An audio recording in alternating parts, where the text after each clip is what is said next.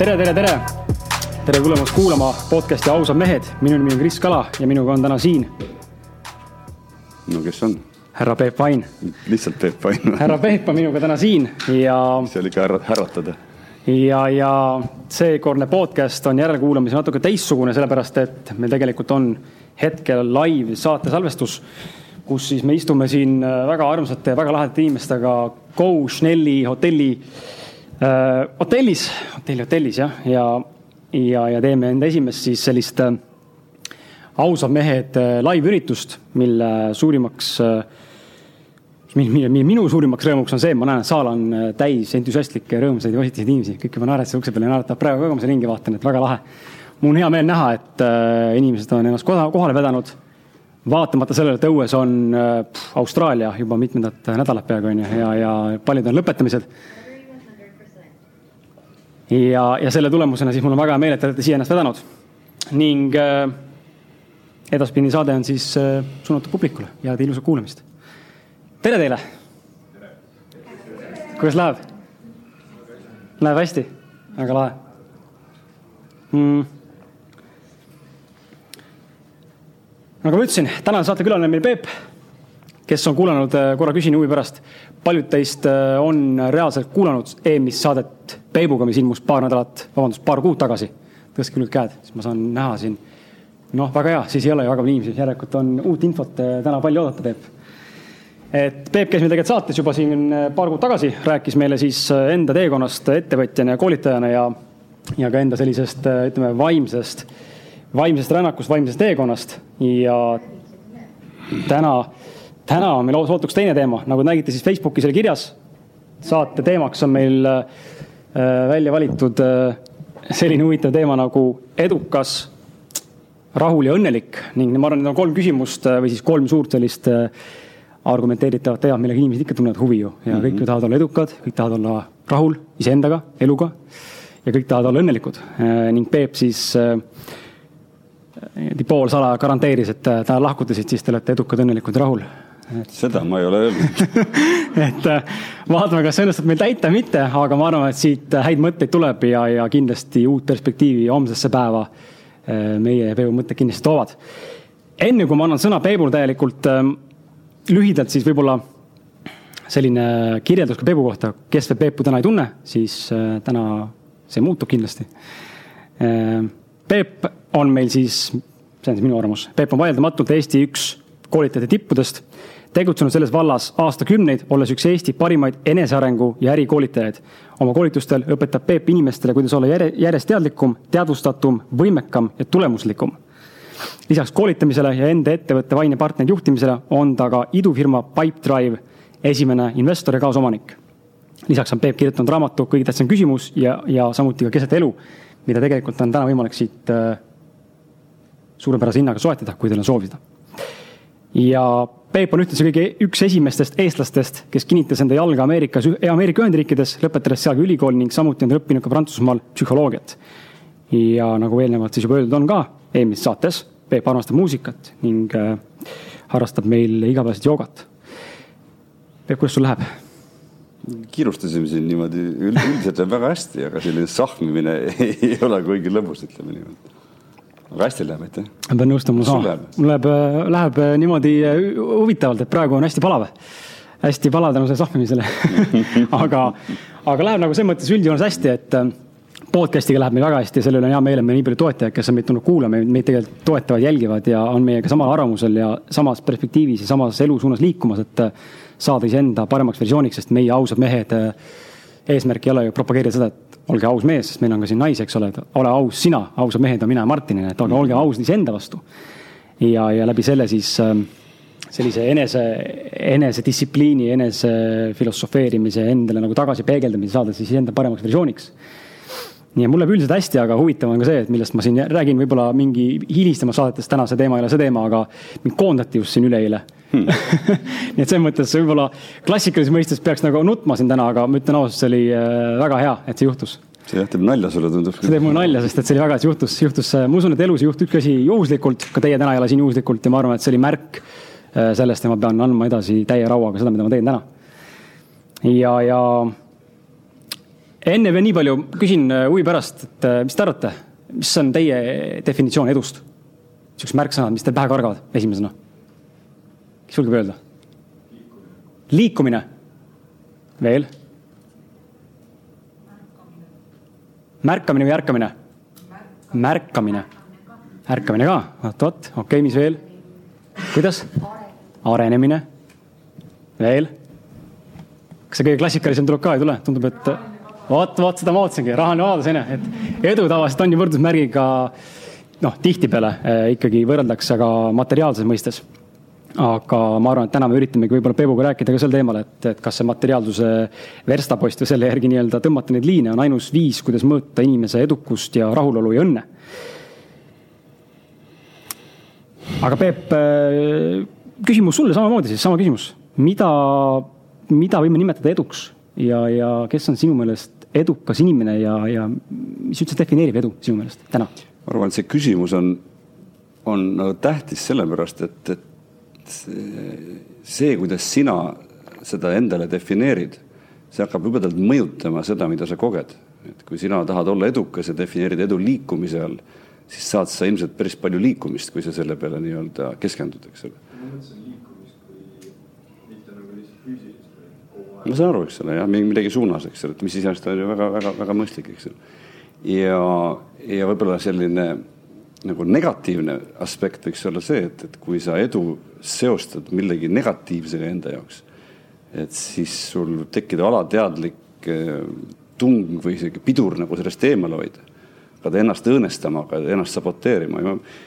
sa kirjutasid need küsimused mulle eile, see oli hea, ma sain mõelda pisut, eks, et see ja kõige lihtsamalt võiks öelda, et edu on ikka hakkama saamine. saad hakkama mingi asjaga või ei saa, eks saad sõita Tallinnast Tartusse autoga või keerad kraavi poole tee peal, eks. Et ähm, ma mõtlesin esimese asjana lapse peale, kes käima õpib. sul laps hakkab varsti mm, käima, eks ju. juba, juba tatsab. juba käib jah, et see noh, kõik õpivad käima võib-olla mingid üksikud õnnetud erandid, kellel on tervisega midagi väga halvasti, aga, aga ma mõtlen, kus see laps peab pingutama selle nimel, eks ole. ja, ja mõtle, kui ta annaks allapoole tee pealt, siis ah, et pagan, see on nii rõvedalt raske, et, et ma, ma parem ei, ei, ei käi, eks ole. Ja, ja noh, enda nii-öelda sellest raamatust ja ka koolitustest ja, ja üldse enda praktikast lähtuvalt, ma olengi pannud kirja endale see, et, see on sõnastatud ja valitud ja ära otsustatud eesmärgi saavutamine enda poolt valitud eesmärgi saavutamine oodatud ajaks, noh, mis on siis üks eesmärgi osa, et, et tal on mingi tähtaeg. ja, ja, ja üldiselt öeldes ka sisemise suutlikkuse tunde tekitamine. Et sa oled, mida, mida sa oled seda edukam minu arvates, mida rohkem sinus on sellist nagu, et ma suudan tunnet, ükskõik mille kohta see käib, eks ole. suudan mingi asja ära õppida, suudan asjad valmis saada, suudan ennast selgelt väljendada suudan aru saada asjadest, äh, nii sellistest tehnilistest asjadest kui ka mingite asjade olemusest, mis võib-olla ei ole nii väga selgelt nagu näha pinna peal, eks ole, suudan probleemi ja raskusega toime tulla, suudan keskenduda täpselt nii kaua, nii, nii põhjalikult kui vaja, eks ole, suudan piire panna, suudan ja öelda, suudan ka ei öelda ilma erilise hirmuta. ja, ja ma olen pannud kaks märksõna veel endale kirja, et, et, et see on justkui nagu tasakaal eri eluosade vahel ja siis veel kord eri eluosades ja pigem siiski enne kord ja siis tasakaal. et sellised äh, mõtted on mul, eks ole, nii et, et see, muide, mis rikkaks saamist puudutab, siis ma hakkasin ükspäev mõtlema, et, et huvitav, et iga inimene justkui, kes on rikkaks saanud, ma keerasin selle asja siit küljest lahti. No.. ma hakkan seda hoidma siis niimoodi nagu mingit sõjarelva, eks.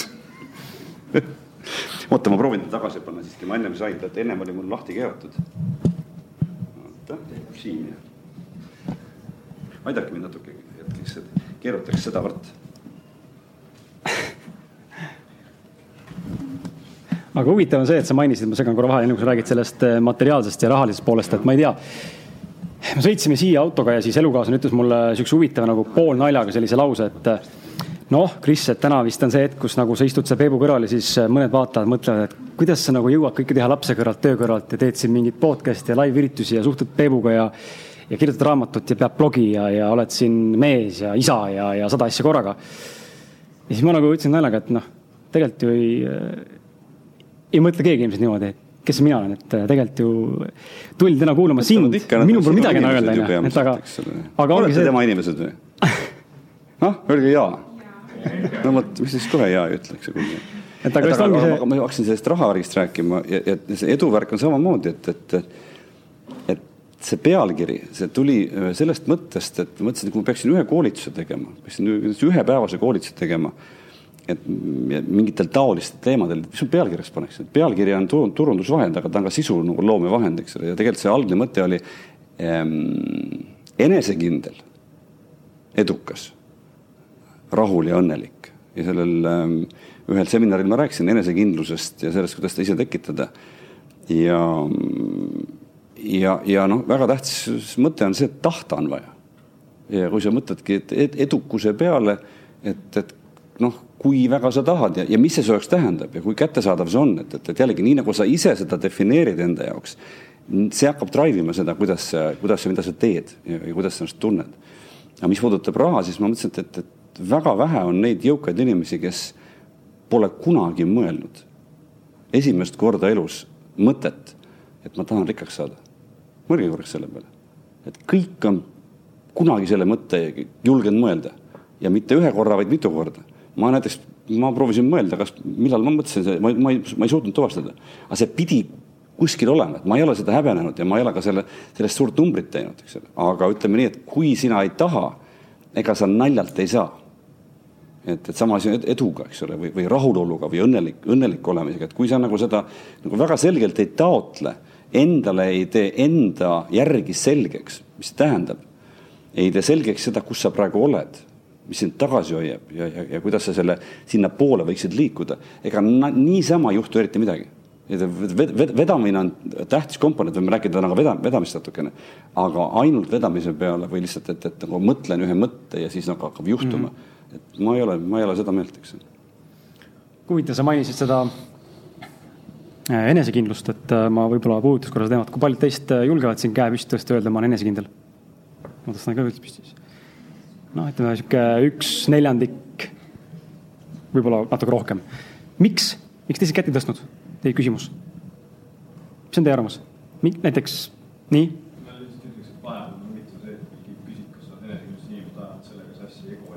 jaa, absoluutselt. absoluutselt, seal on väga negatiivne maik juures. jah, on tõsi, olen nõus. kas siin vene, vene päritolu inimesi on või ei ole või? käsi püsti, on keegi või? Vene keeles on kaks täiesti erinevat sõna, on samouverenность ja on uverenность в себе. ja millegipärast selles keeles just samouverenность on see kind of a douchebag nagu värk, eks ole. aga samas jällegi noh, vaata, võiks küsida mingit, ükskõik mille kohta, et oled sa kindel sa ei pea üldse seda enesekindel panema sinna, oled sa kindel, kas see, see Tony Robbins ütleb, et are you certain, what's your level of certainty. kes on vaadanud seriaali Billions ja äge seriaal on, seal on neil oma, oma nagu parool on nagu üks, üks tuust küsib teise käest, et what's your level of certainty. ja teine vastab tursal näoga, ütleb, et I m not uncertain. nagu noh, ma olen täiesti kindel, eks, et kui kindel sa oled, pole kahtluse varjugi, eks ole. et see on, see on väga tähtis teema, seda pole pealkirjas täna veel sees. aga see mm,, ütleks nagu nii, et, et, et ilma selleta ei saa. miks ma tegin selle Roland Tocco üritusel selle enesekindluse seitse hooba esitluse on see, et, et, et see on ja, ja ma hakkasin nagu sellest pihta, et miks, miks kõik kätt ei tõsta. sellepärast ei tõsta, et see on muutuv suurus. mitte kellelgi ei ole enesekindlus kogu aeg nagu põhjas. ja, ja loomulikult seal on see teema, kas sa nagu laiad ja mängid, et sa oled tuus või sa oled tegelikult tuus. oled rahulik ja kindel, et sa ei pea nagu ülbitsema et need on, see, see ja, ja noh, ja sassi aetakse tõepoolest, tuleb olla ettevaatlik, et, et tõeline enesekindlus ei, ei laia ei püüa nagu kõvatada, näidata midagi mm -hmm.. küsiksegi võib-olla siis sellise küsimuse, et äkki sa oskad seda enesekindlust, mulle just meeldis, kuidas noormees Ats sealt äh, ütles välja sellesama, et enesekindlus ja ego justkui nagu kohati äh, ühed üksteisega nii-öelda võistlevad, et et mina arvan, et enesekindlusega võiks ka nagu võib-olla võrdusmärgi tõmmata nagu eneseteadlikkuse. ma nagu ei ole see tean, midagi. E-, e-, ego, ego ei ole halb tegelane üldse kusjuures, et, et, et kui ego nagu jah, jah. jah mm. -hmm. jah, et ego on tööriist, eks ole, et, et, et ja, ja ego ja enesekindlus käivad koos selles mõttes, et, et mida tugevam on ego heas mõttes, mida tugevam on su isiksus ja mida selgemalt sa tead, mis sul vaja on, ja kes sa oled ja mida sa teed, et teadlikkus on seal osa, eks, et, et, et kui sa üldse ennast ei tunne ja pole endaga, endaga tuttav ja, ja siis ongi lihtne olla ebakindel. siis sa pendeldad nagu mingisuguste asjade äärmuste vahel, eks mm -hmm.. et, et aga, aga noh, et, et jah, seal on palju alamteemasid, et las ta praegu jääb nii, eks. Aga, aga minu küsimus ongi siis äh, selline, et kuidas siis kasvatada endas seda eneseteadlikkust, et siin ma võib-olla toon, enne kui sa vastad, toon nagu lühikese näite, et tänast üritust korraldades siin mul sõbra Martini ja Toomasega oli siin äh, mõnda aega tagasi väike arutelu, et siin mehed siis kiitsid mind, et ma selle hakkama sain, aga, aga minus oli algses nagu täiesti algusest peale tead-, teadmine, et see on juba tehtud. Nagu selles mõttes, ma, ma tunnen, et see, mis täna siin juhtus, see juhtus nagu effortlessly mm. -hmm. ma ei, ma nagu ei oleks midagi teinud, aga ma tegin seda täie rinnal niimoodi üksinda mm. -hmm. ehk siis minus oli meeletu selles mõttes eneseusk ja just see enesekindlus, et ma saan sellega hakkama, ilma et mul tekiks see kahtlus uss sisse mm. -hmm kuidas seda esile endast tuua või mis on need praktikad, kuidas saaks siis tõesti hakata seda realiseerima, kas ma hakkan siis vägisi tegema midagi, milles ma enesekindel pole, aga tahan saada või, või kuidas? kumba sa küsid, kas eneseteadlikkust või enesekindlust? enesekindluse osas, kuidas nagu jõuda enesekindluseni? mitu asja, aga, aga, aga noh, võib-olla kõige olulisem on, ma arvan, õppimine. õppimine ja, ja, ja nagu keha, keha poolest enda, endast hoolitsemine ja ja kui me, teil on vaja sooritada midagi näiteks, siis on valmistumine, eks ole, trenn, praktika, kõik need asjad, et seal on nagu palju-palju asju, eks ole, aga nagu just valmistumine sellise mingi ühe eh, tegevuse mõttes, aga, aga õppimine, enesearendamine ja jällegi seesama eneseteadlikkus, mis sa ütlesid, ka enesest järjest teadlikumaks saamine. Need on nagu mingid, see on, see on nii palju pikem jutt, eks, et aga, aga noh, need on põhim-, põhilised märksõnad mm. -hmm. ma tahan, ma võin vaadata, mida ma seal rääkisin seal teisel aga mul ei lõigas seal. kui palju te olete tundnud elus seda, et te teete midagi niimoodi ära, et te tunnete, et äh, Levo, tee, teeks uuesti kohe. lahe, väga lahe, see tunne on lahe tegelikult.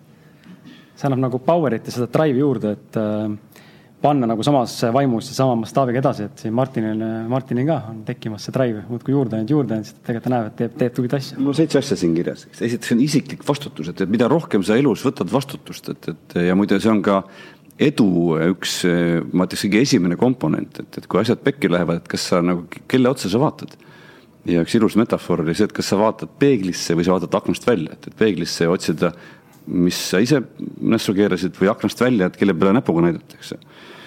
Ehm, teine ongi eneseteadlikkus, mis sa tõid välja just nimelt, endast järjest teadlikumaks saamine.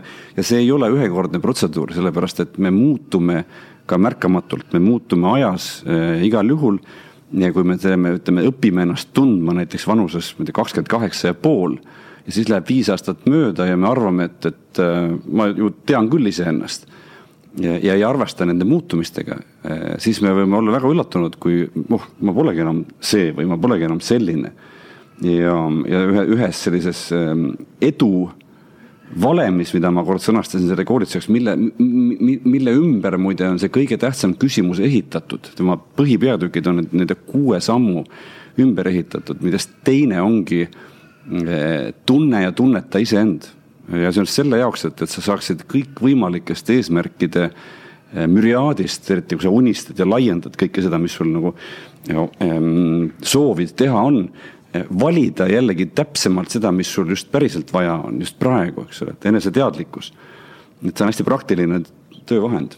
kolmas on visioonid väljakutsed ja otsused, et, et sa julged, nagu sa kirjutasid mulle, et, et kuidas tulevikku ette kujutada, et sa julged tulevikku ette kujutada, kujutuspilte luua. visioon on selline vähe võõrapärane sõna, aga eesti keeles on ilus sõna, kujutluspilt. see on, see on pilt, eks ole. televisioon, ei ole raadio. vaat käima tuleb pilt, eks ole, pilt liigub, eks ole. ma olen pannud neljandaks areng, viiendaks füüsis, kuuendaks enesesisendused ja siis ka häda korral ebakindluse maskeerimine. Äh, ja seitsmes valmistumine, millest ma pihta hakkasin. aga kas see ebakindluse maskeerimine on äh, nagu selles mõttes hädavajalik või see peaks just hullult hädavajalik. vastu, vastupidi, seda maha surestama nagu keera maha. mis, mis, mis sa siis teed, sul on vaja ebakindlana näida, aga oled ebakindel sa ei lähe ju lõdisema nagu, ma ei tea, tele-eetrisse või, või kuskile rahva ette seisma. keegi ei taha teiste eest näha lõdisevat meest, eks ole, või ebakindlat naist või noh, ja peale selle, et, et, et see ebakindluse maskeerimine, ma rääkisin oma kolleegi Urmas Purdega, kes oli Pipedrive'i üks kahest selle idee autorist ja kasutaja ja, ja ma vaatasin omaenda vanu koolitusi video pealt, vanuses siis kolmkümmend kolm ja kakskümmend seitse ja kolmkümmend viis ja nelikümmend ja, ja, ja, ja noh, oli, oli näha ka siis, aga eriti on näha mulle praegu, kus on ebakindlus ja, ja, ja mida ma tegin selleks, et, et sellest nagu üle saada? Ja siis näiteks nagu, kui ma esinen kellegi ees ja tunnen ennast ebakindlalt, siis valmistumine on nagu see võti number üks. Aga teiseks sa pead alustama. Ja kui sa alustad ja oled valmistunud ka, siis läheb võib-olla kaks, kolm, neli või viis minutit mööda.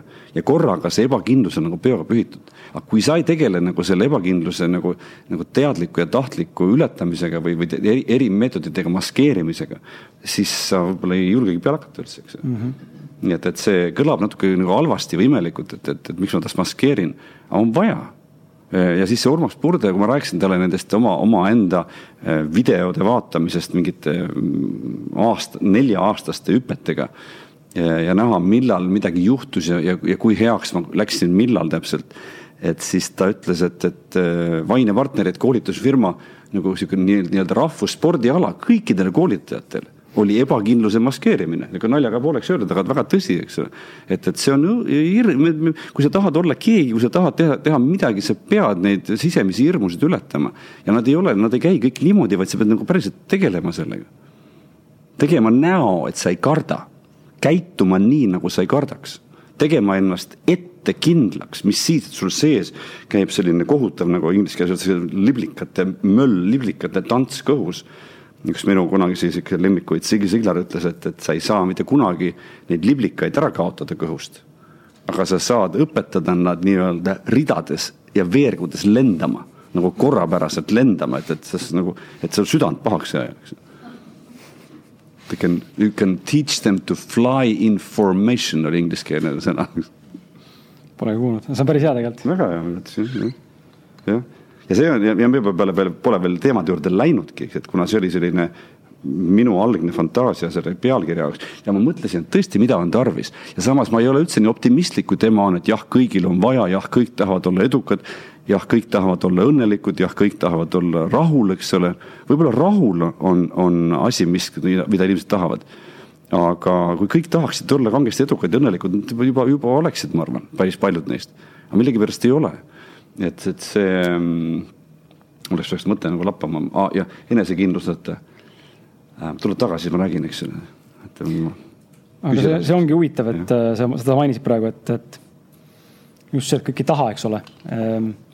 aga, aga tekib küsimus, et ei, miks nagu, nagu, nagu nad tahavad, aga neil on mingisugused sisemised teadvustamata pidurid peal. ma rääkisin ühe sõbraga, kes on nagu äh, Ehm, noh, tükk aega olnud raha pärast hädas ja, ja ütles, et, et aga ma ütlesin talle, et kuluta vähem, eks ta ütles, et ära raputa haava peale soola, eks.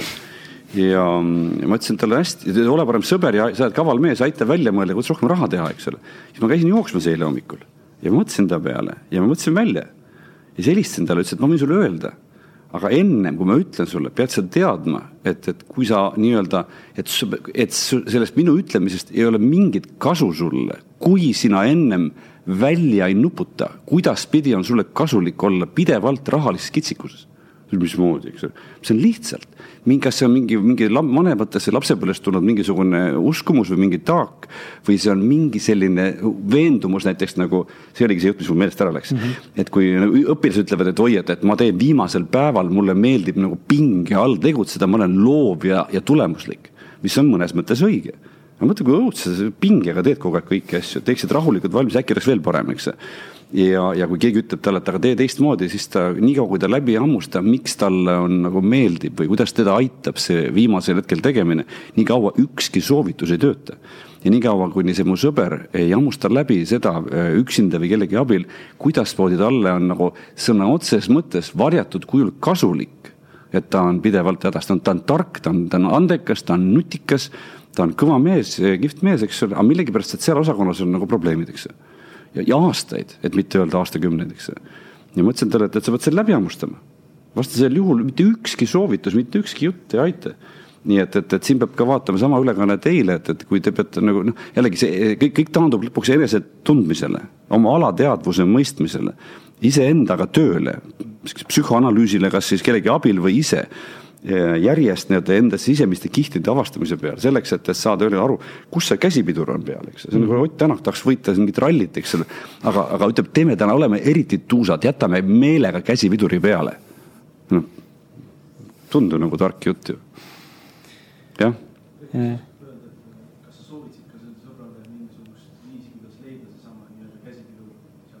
ei, seda no ikkagi kellegi abil, eks ole, kas mingisuguse teraap-, teraapiat teha või, või, või meenutada või mingile rännakule minna või midagi sellist, et seal on nagu palju asju, aga, aga noh, alati on teise inimese, kvalifitseeritud inimese abi on see, mis aitab kõige paremini, eks, et üksinda neid pimepunkte tavaliselt ei näe. aga on võimalik ka mingite küsimuste abil ise neid analüüse tekitada. aga isegi kui me näeme neid, siis me ei pruugi selle vastust leida, selles mõttes ei, nagu nendega on tavaliselt niimoodi, et kui sa neid korra näed, siis on nii õudne, et see ehmatab su sitapüksi, et sa saad, saad, et sa, et sa nagu osade taipamistega on niimoodi, et sul ei olegi vaja midagi väga teha, et kui sa kord seda näed, siis sellest teinekord piisab, mitte alati. ma ei saa isegi öelda, et mitte nagu eh, levinult juhtumitel mm. -hmm aga ütleme nii, et, et mingid nagu sisemised, sisemised tarkused, mingid jumalikud taipamised, kui need tulevad, siis nendega ei ole tarvis käia plakatiga ringi, et, et oi-oi-oi, kui tore, eks, et ma hakkan nüüd rõõmsaks homme, eks hakkan endale sisendama midagi, see, see tuleb seest välja, läheb sisse-tagasi ja nagu on, on fixed, eks ole. aga need, neid, aga, aga, aga sellist tüüpi tarkust on vaja jõuga otsida, et sa pead nagu harjutama seda tüüpi tarkust enda seest väljatoomist erinevates seisundites. niisuguse jutu, et sinna läks praegu, aga okei okay.. see on tähtis jutt. aga ma arvan, et sind võib tituleerida ja, ja nimetada selles mõttes edukaks inimeseks. taaskord jälle edu on defineeritav, eks ole, võib-olla kõik siin ei nõustu sellega, onju, aga ma arvan, et päris paljud nõustuvad ehm,. tahad sa äkki rääkida nende isiklikust kogemusest selles osas, et äh, kui palju vajab, ütleme siis mingi, noh, ma isegi ei tea, mis näidet tuua, aga ütleme siis sinu edu juures, kui palju pead sa ohverdama selle nimel, et saada edu, sest vaata, me räägime kogu aeg sellest, inimesed tahavad kõiki asju saada, me tahame midagi saavutada, tahame olla parimad, tublimad, kiiremad, äh, tugevam, mis iganes veel aga ometi, nagu sa ise mainisid ka, me ei ole nõus tegema teatud samme, et seda tegelikult ka kätte saada. ehk siis me ei ole nõus seda sacrifice'i inglise keeles sõna, võib-olla mis on see õigem sõna. et kuidas nagu selle ohverduse poolega rollida, kas see nagu vastab tõele, ma pean midagi ohverdama justkui nagu sotsiaalelu lükkama eemale või? ma jõudsin mingit, küsisin endalt, et kui lapsele peaks seletama, mismoodi, kuidas edukaks saada, eks ole, siis ma mõtlesin, et, et okei okay,, õpi raamatutest nii palju, kui saad. teiseks, õpi inimestelt nii palju, kui saad. siis sa pead äh, trenni tegema nii palju kui saad ja ma ei mõtle mitte, mitte nagu pomme tõstma, vaid mis iganes see asi on, pead nagu harjutama ja valmistuma, pead oskusi arendama ja lihvima, see kõik nõuab aega. ja siis neljandaks, sa pead võistlema. sa pead nagu päriselus nagu sooritama selle samase trenni pealt, eks ole, ja vaatama, kuidas sul välja tuleb ja, ja jälle minema tagasi algusesse õppima, eks ole, treenima ehk harjutama. Ehm, ma tegin esimest korda koolitaja koolitust eelmine nädal lõppes, sina olid selles pagana web podcast'is, ma mõtlesin, et sina oled Alvin, aga ma mõtlesin, et oo, Alvin on teise näoga, eks ole. et see Alvar jah, ma ajasin sassi teid ka omavahel, näed, pannudki väga mööda, eks. ja ma valmistusin selleks ja mm, siis reedel enne seda, äh, siis kaks nädalat tagasi peaaegu, ma, ma, ma, ma lappasin läbi kõiki koolitusi, mis ma olen loonud.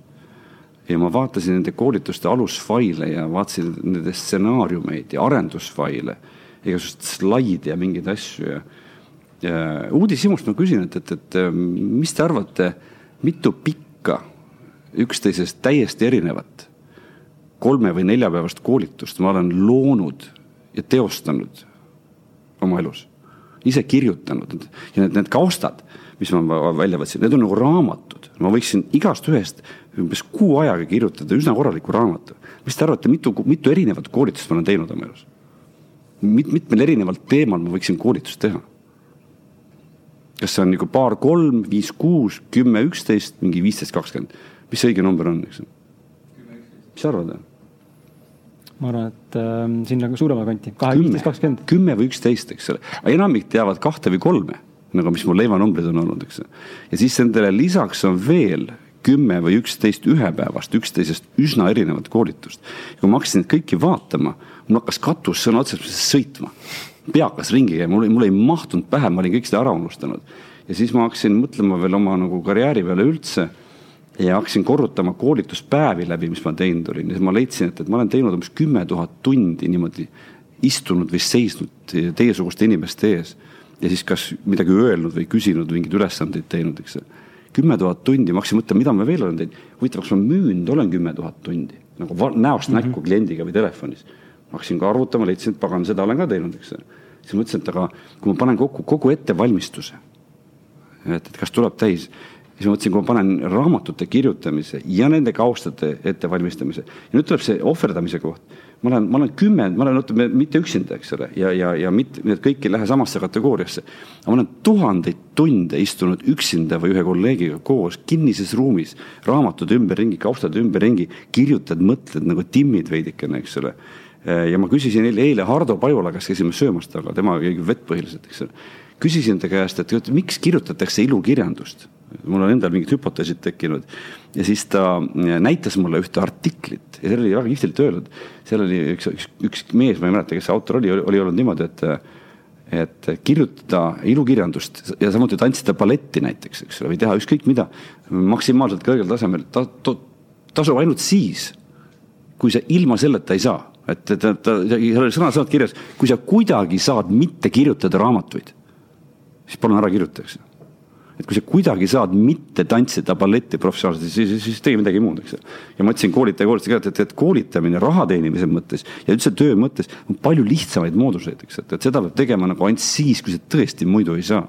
nii et, et see on selline mõned, eks need ohverdamise teemadel, eks ole mm,. ma olen natuke nagu tarbetult uhkustanud selle, et ma olen nullist hakanud pilli mängima, tegelikult ei ole ma lapsena õppisin kolm aastat klaverit ja vihkasin seda täiest südamest.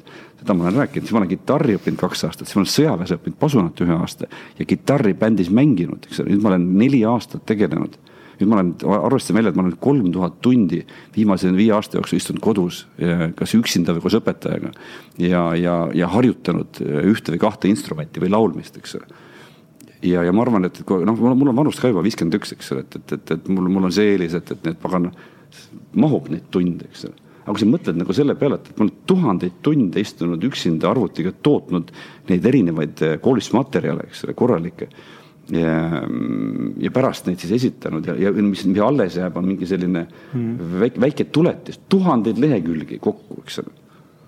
no võib-olla sadu või tuhat, tuhat viissada, ma ei tea, no ikka ilgelt palju, ühesõnaga ja siis see, see, see tundub nagu uskumatu. ma korraks tundusin endale maailma või vähemalt Eesti, no või vähemalt nagu Põhja-Tallinna kõige töökama inimesena. ja siis ma helistasin paarile, paarile sõbrale, et natuke nagu kelkida või nagu niisugust nagu pai saada selles mõttes, eks ole. ja siis nagu ega ma eriti ei saanud, aga, aga üks sõber ütles kihvtilt äh, järgmine päev, ütles, et, et kuule tipptasemel käibki niimoodi, ükskõik mida sa teed tipptasemel, tahad edukas olla, eks see edu on muide ka, mida me oleme rääkinud täna, on mõnes mõttes nagu, nagu teistega võrreldes tubli olemine või teistega võrreldes parem või parim olemine. et tipptasemel käibki niimoodi ja siis tagasi balleti juurde üks tore, tore lause on see, et balletti on tore vaadata siis, kui sa esimeses reas ei tunne lavalt higihaisu. et nad nagu hüplevad seal niimoodi nagu kergelt ja, ja nagu effortlessly. Ja, ja, ja nii on, eks ole et kui sa tunned, kui sa näed, kuidas keegi rävedalt pingutab ja higi, higilend pritsib, eks ole, ja siis hais on ninas ja siis on niisugune, ma ei tea, ma ei tea, seda balletti ma vist ei taha vaadata, et kas saab äkki, ma ei tea, puhvetisse minna näiteks. Sa... jah, vastus on jah aga sa rääkisid. aitäh, et sa küsisid selle, selle nii-öelda lolli küsimuse. aga, aga ma jätkan sellesama küsimusega, sest sa praegu mainisid ainult noh, sisuliselt ainult selles mõttes ajalist kulu kui ohverdusena, aga, aga minu küsimus oli suunatud selles suunas, et kas sa oled äh, kas sa oled ka kannatanud selles mõttes, ohverduse mõttes kaotanud kedagi oma elust tänu sellele, et sa ei läinud kuskile sotsiaalsetele üritustele või, või lükanud ära valiku mingi muu võimaluse, uks oli avatud? ma olen läinud, mind ei kutsuta eriti enam kuskile, sest ma pole kuskile läinud, eks ole, ja, ja, ja, ja ma, ma olen läinud sellepärast, ma ei taha minna mitte sellepärast, et ma ei saa et, et äh, ma noh, seda, seda ma küll ei saa öelda, et, et ma, et mu abielu lõppes äh, ennetähtaegselt äh, töö pärast. kindlasti mitte, aga seda, et, et ma näiteks nagu eh, mingit osa oma laste kasvamisest ei näinud, ilmselgelt, eks. üks noor koolitaja käis seal koolitaja koolitusel, küsis just sama küsimuse, et mis, mis need ohud on, et, et, et kus, kus need ohvrid on, et millest ma pean ilma jääma, mõtlesin, et sa pead kodust ära olema päris palju. kui sa teed mitmepäevast koolitust, naisega läbi rääkima, et on okei okay sellega. ta ütleb, et on okei okay,, niikuinii ei ole, pärast siis telgub, et ei ole, siis kuidagi hakata uuesti lahendama seda, eks. sa pead aru saama, mees peab mammuti koju tooma tänapäeval on ka naistel see kohustus, tundub, eks ole. Aga mehel on see sisemine drive nagu, nagu suurem, naine on see koduhoidja ja perehoidja. aga, aga kui sul ei ole seda valmidust nii-öelda nagu rännakule minna, kangelase rännakule minna, siis sa ei saa edukaks. ja sul on valida, see on enda valik, sa pead teadma, igal juhul on ohverdus, eks. ja, ja, ja sõbrad, sõbrad muutuvad niikuinii su elus mm -hmm. ja kui sa tõused oma arengutes ja võimekustes uuele tasandile siis äh, su sõbrad justkui üritavad sind nagu võib-olla tagasi hoida. sa pead neist loobuma. ja, ja ühel hetkel sa avastad, et sul ei ole nende sõpradega enam millestki rääkida. Teil on mhm. teistsugused huvid, sul on ainult nostalgiline mälestus selles, et, et meil oli tore koos olla ja ma nagu ei tahaks neist lahti öelda. aga saad kokku, istud ühte tuppa, mõtled, et kuidas ma siia sain, eks ole. mis ma siin teen praegu, väga imelik. jah ja muide, ma olen kirjutanud veel, mm, tegin selle Roland Tokoga ühe, ühe webinari pingutus või kulgemine mm -hmm.. tahaks selle kohta öelda, loll küsimus, eks ole, mõlemad on tähtsad. et ma ei olnud viis aastat pingutanud korralikult ja kui ma lõpetasin selle koolituse, läksin õhtul hiljem magama, siis nagu hommikul oli raske tõusta ja siis nagu tõesti koolitamine jätab sellise nagu kerglase hüpliku baleriini töö mulje. see on jube raske töö tegelikult, ta on nagu väga vaimselt ja füüsiliselt kurnav. ükskõik, kas see on ühepäevane või kolmepäevane või viiepäevane koolitus ja, ja siis seesama mitte Alvar, vaid Alvin, ma arvan, ütles, et, et pingutusest oli jutt, et ta ütleb, et, et pingutus on äge asi sellepärast, et pärast on sihuke tunne nagu, nagu kergendus, eks ole. ja ma nagu esimesel päeval mõttes nagu vaidlesin nagu see läbi sai, mõtlesin, et pagan, tal oli õigus. et, et eile oli, üleeile oli esmaspäev, käisime tovaringil ja õlad olid kohe laiemad niisugune rind oli kummis ja niisugune nagu pea, on vaja pingutada ja on vaja nagu lõdvestuda on vaja nagu suunatult minna ja on vaja kulgeda, et seal ei ole nagu ükski, üks asi nagu ei toimi üksinda. sinu, sinu puhul siis, äh, mis praegu tuli uitmeetme pähe, et kui sina, öeldakse, vaata, me tahame areneda, siis äh, ümbritseme ennast nagu täna siin, tuleme kokku inimestega, kes mõtlevad sarnaselt ja mõtlevad meist äh, või on meist nii-öelda targemad, kogenumad, edukamad. kus sul minna veel edasi on? ei tea, ma arvan, et selles muusikalises arengus on nagu ükskõik kui, kaua ma ka ei elaks, sest see horisont on nagu lõputu. et see on selline nagu kullakast või sihuke haardekast. et äh, noh, ikkagi ma arvan nüüd, nüüd, nüüd sügisest korralikult oma tööd teha, eks ole, selliselt tulla inimeste ette, midagi öelda, midagi küsida, teha uusi, aga mingeid vanu koolitusi, võib-olla üks kuus, eks ole, nii et, et, et ja siis, siis ma arvan, noh, ma vaatan hästi isekalt või niimoodi, et, et see, kui ma räägiks nagu täna pealkirjast edukas, rahul ja õnnelik noh, siis ma ei tea, noh, ma no teie kohta ei tea, eks ole, aga mind huvitab see väga. Ehm, ja, ja siinkohal, siinkohal ma loen ette, mida ma vastasin eh, poolest saadik ühele tüübile, kes küsis mu käest natuke niimoodi. küsige muide oma sõprade käest, küsige, et, et, surm tõsise näoga, et ütle palun, kas sa oled õnnelik ja vaadake, mis juhtub. et, et ma arvan, et, et, et pooltel juhtumitel tuleb mingi häma niisugune, ma ei tea umbes, et sõltub, mis sa selle all mõtled, mis on õige. ma küsisin ta käest, et mis sa selle all, mis sina selle all mõtled. ta põrgatas palli tagasi, ütles, aga ei ütle, mis sina mõtled. ma ütlesin, et see on, see on ebaaus küsimus, see on nagu see, et kas sa usud jumalasse, eks ole. sellele ei saa vastata. mis asi see sinu, see küsija meelest jumal on, eks ole. ja siis ma võin öelda, mis minu meelest jumal on ja siis me vaadata, klopitame kuidagi kokku. ja siis ma, oota, ma vaatan, kas ma leian selle ähm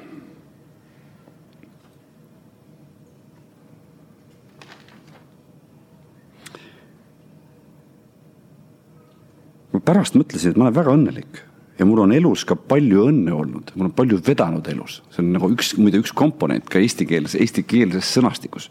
õnnelik olema, aga see, see on nagu võib-olla valesti mõistetud. ja ma ütlesin talle nii, et, et, et, et see ei tähenda, et mul on kõik päris olemas. ja see ei tähenda, et ma poleks sisimas vahel rahulolematu või segaduses või pisut õnnetu. see ei tähenda, et ma vahel ennast halvasti ei tunneks ja see ei tähenda, et ma ei võiks ennast vahel mitte päris õnnelikuna tunda. nagu Dalai-laama käest küsiti, et kas te olete õnnelik, ta ütles, et jaa, kas te olete kurb, jaa, kuidas see võimalik on. ta ütles, et on lihtsalt, ma võin olla korraga kurb ja õnnelik. no õnnetu ja õnnelik, noh, võib-olla ka mingites osades, eks ole. aga, aga ja ma lõpetan selle jutu. Ehm, Tosama Urmas, teda ma mainisin, ehm, ta oli avastanud just ajukasvaja kaks tuhat kuus ja oli just ühest naisest lahku läinud ja ma mäletan, et seda, seda üks detsembri õhtu oli ja ma helistasin talle ja ma olin seal kodu ligidal, Harku järve ligidal. ja siis ta küsisin, et kurat, sa oled sa õnnelik või ta ütles, et, et, et kui varem küsinud oleks, ma oleks mingit häma hakanud ajama, aga praegust vaatamata kõigele sellele, mis mul juhtunud on, ütleks jaa muidugi ja mind väga inspireeris see, et, et keegi julgeb päriselt öelda. Ja siis on teine küsimus, et kui te küsite inimeste käest, te saate aru, kui nad nagu vassivad natukene, eks. et kui nad teevad ennast nagu jutus õnnelikumaks, aga iseenesest pole sellest midagi halba et siis ei maksa nendele nagu nii-öelda krae vahele vett kallata, et ah, niikuinii valetad, eks ole, jah. selle õnnelik nii-öelda emotsiooni kohta ja ma saan aru, pealkirjas see rahul on siis rahulolek sõna. jah, see on nagu. nagu rahu ehk siis peace. Mõlemad, aga rohkem just see, et, et ma olen nagu asjade käiguga rahul. ma olen rahulolev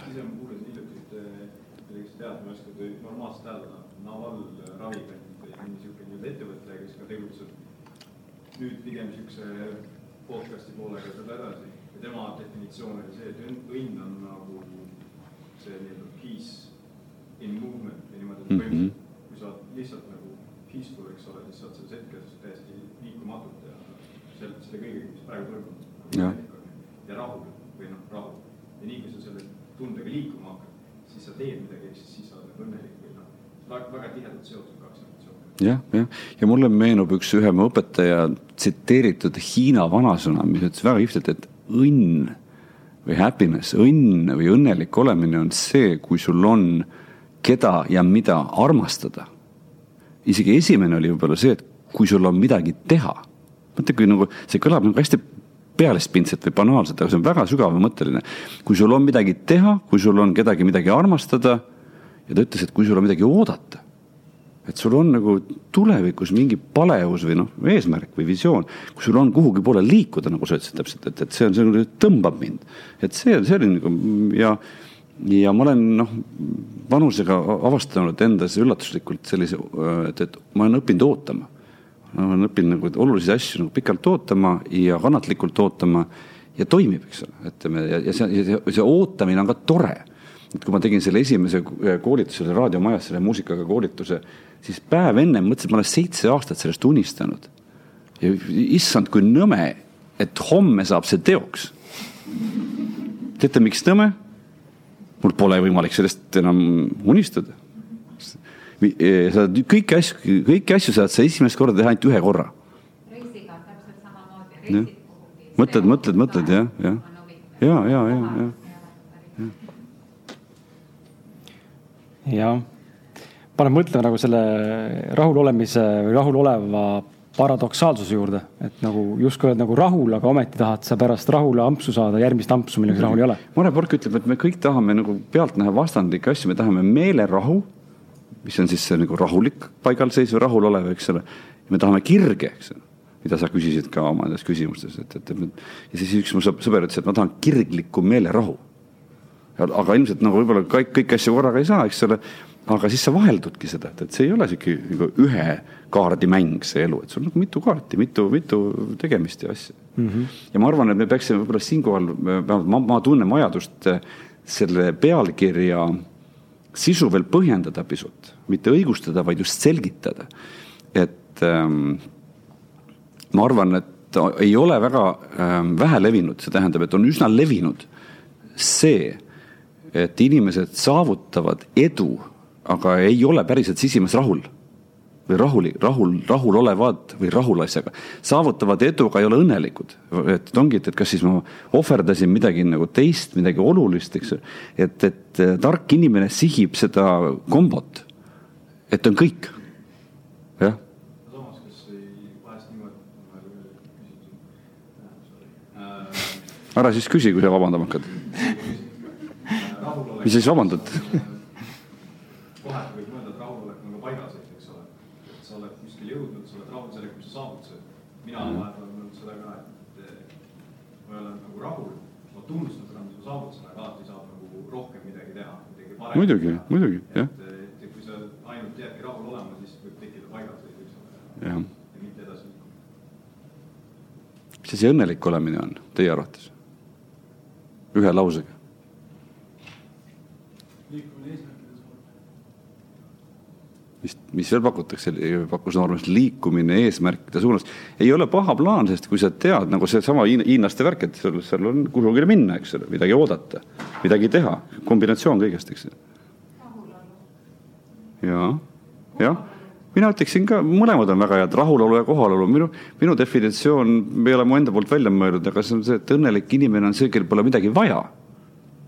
kelle vajadused on rahuldatud, tal on kõik olemas, tal on praegu kõik olemas, mõtle, eks ta emotsionaalsed vajadused on rahuldatud. ja see ei tähenda, et, et seal midagi muutuda ei võiks, et, et, et asjad käest ära ei võiks minna, midagi taolist. et seal on need, need kõik asjad on nagu omaette nähtused, nad on justkui omaette õigustes, aga nad on seotud.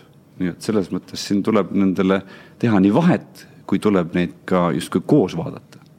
seesama asi, vaata, mis sa ütlesid, ma olen hästi palju kuulnud ja mõelnud ka selle peale, et kui keegi nagu on rahul just sellega, mis tal on, aga võib-olla see tuleb nii-öelda tema egost, et ta on rahul sellega, mis tal on, aga ta ei mõtle nagu ette, et võib-olla ta perel ja kõigil võiks veel paremini minna, et võib-olla ka enda, ma ei tea, lastelaste ära, elu ära kindlustada. Ma vist ei saa küsimusest aru, ma saan nagu saan aru, aga päriselt vist ei saa, eks ole. et kui keegi on rahul, et siis ta võiks teistele mõelda ja rohkem nagu, nagu nende vajaduste pärast muretseda, nii või?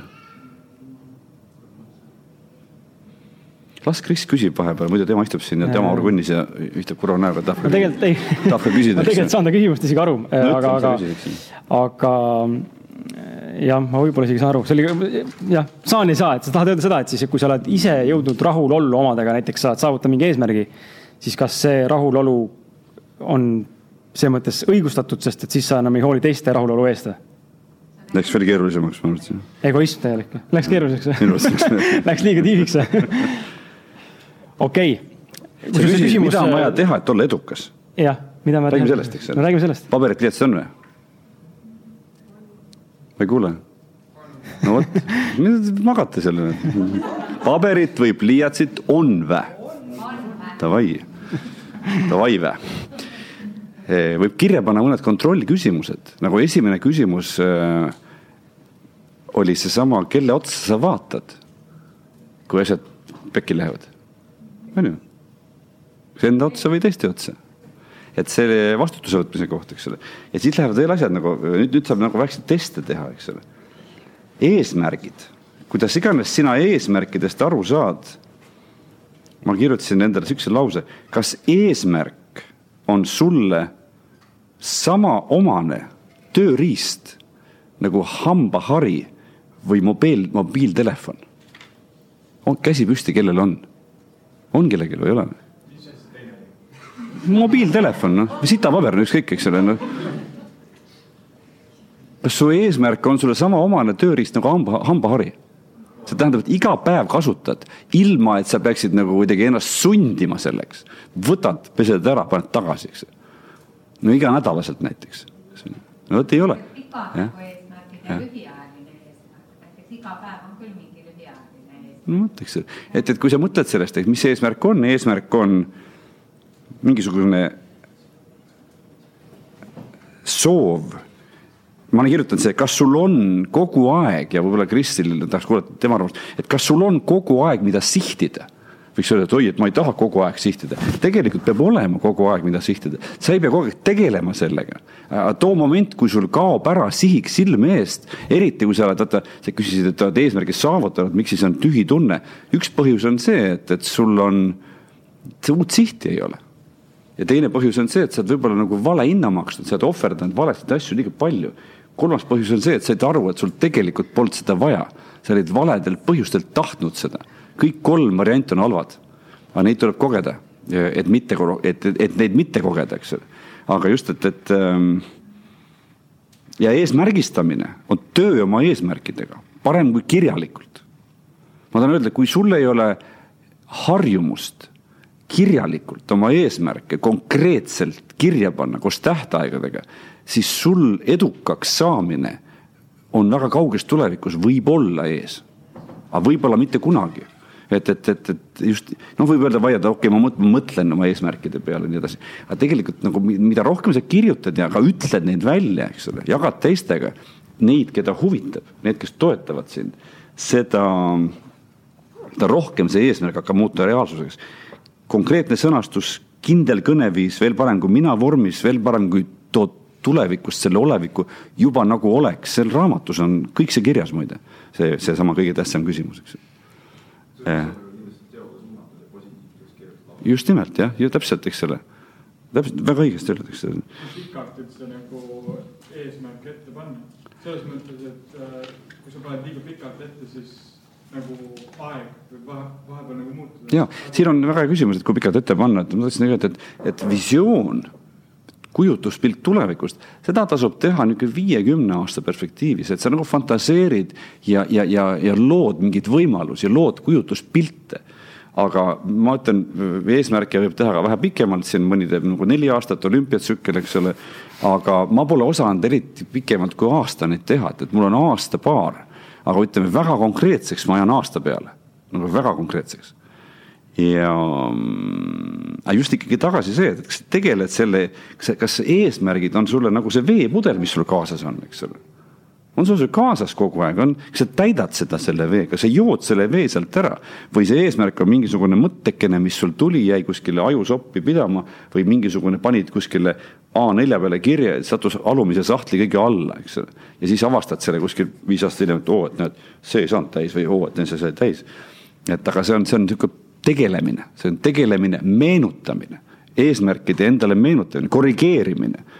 motivatsiooni tekitab progressi jälgimine ja sihuke rõõm sellest, et ma liigun selles suunas ja mul tundub, et tuleb lähemale. see on kihvt. ja siis tuleb edasi, mida? vahel võiks korraks ära unustada.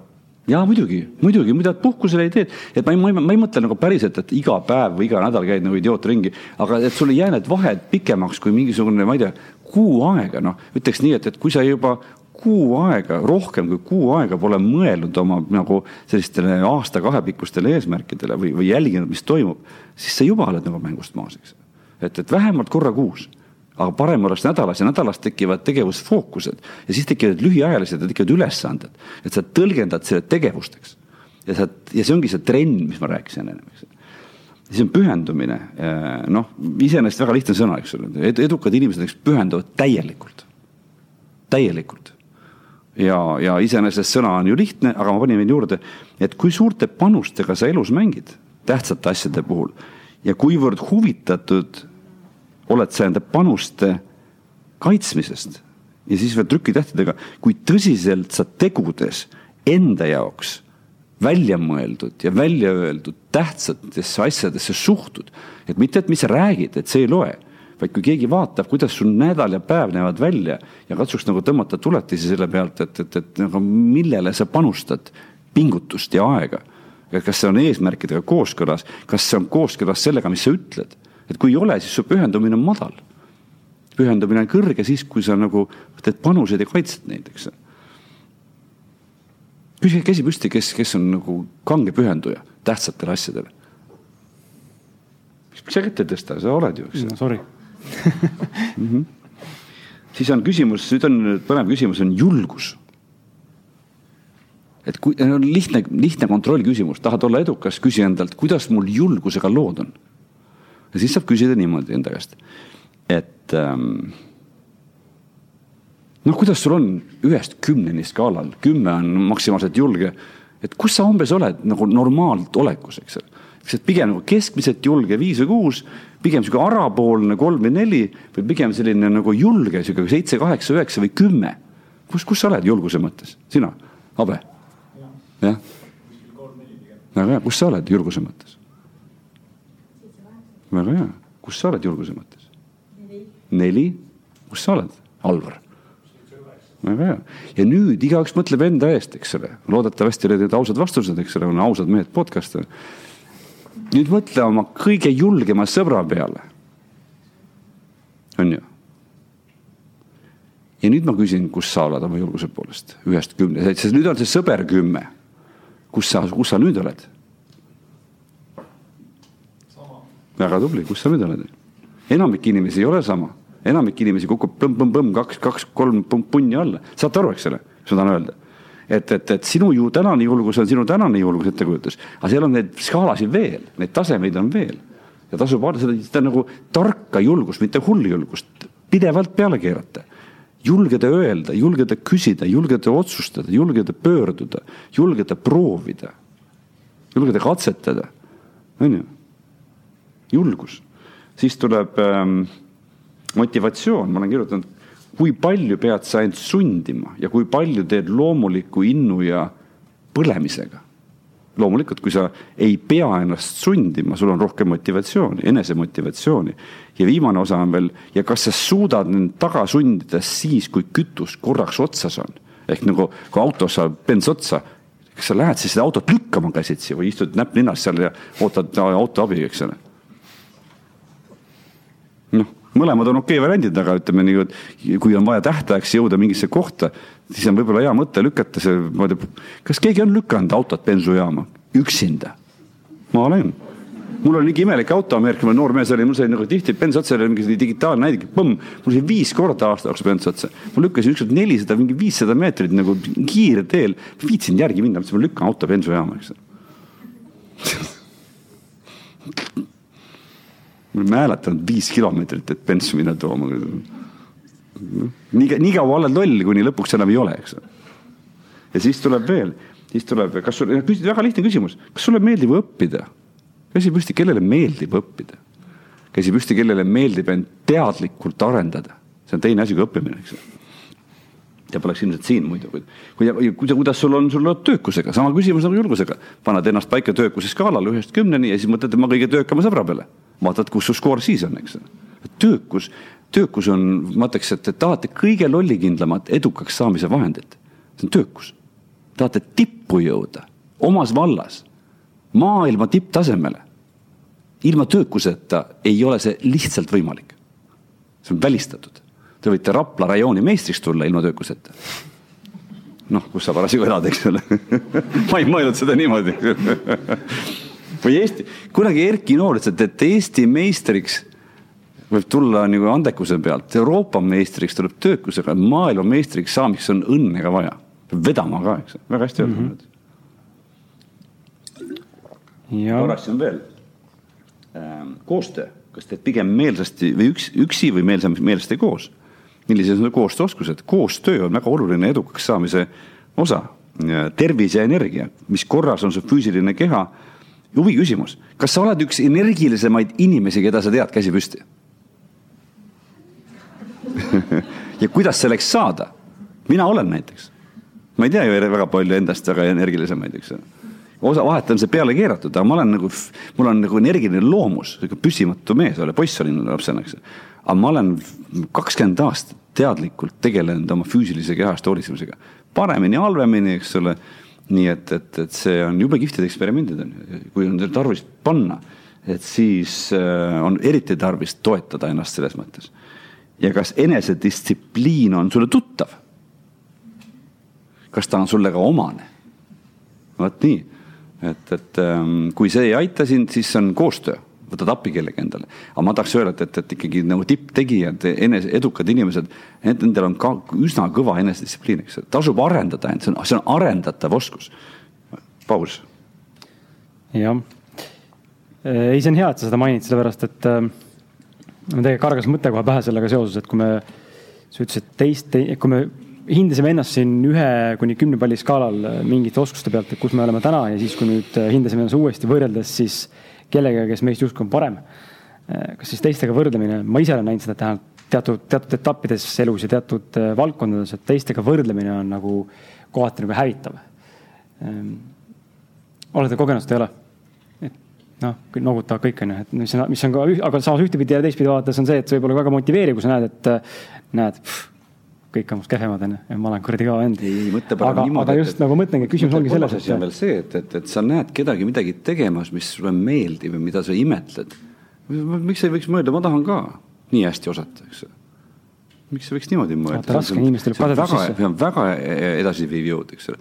millegipärast mul on vedanud, mul on nagu seda võrdlemist olnud küll ja ma olen selle käes natukene kannatanud ka, aga üldiselt kadedus, äh, mul on nagu palju nagu varjukülgi, niisuguseid nagu, nagu, nagu musti nurki.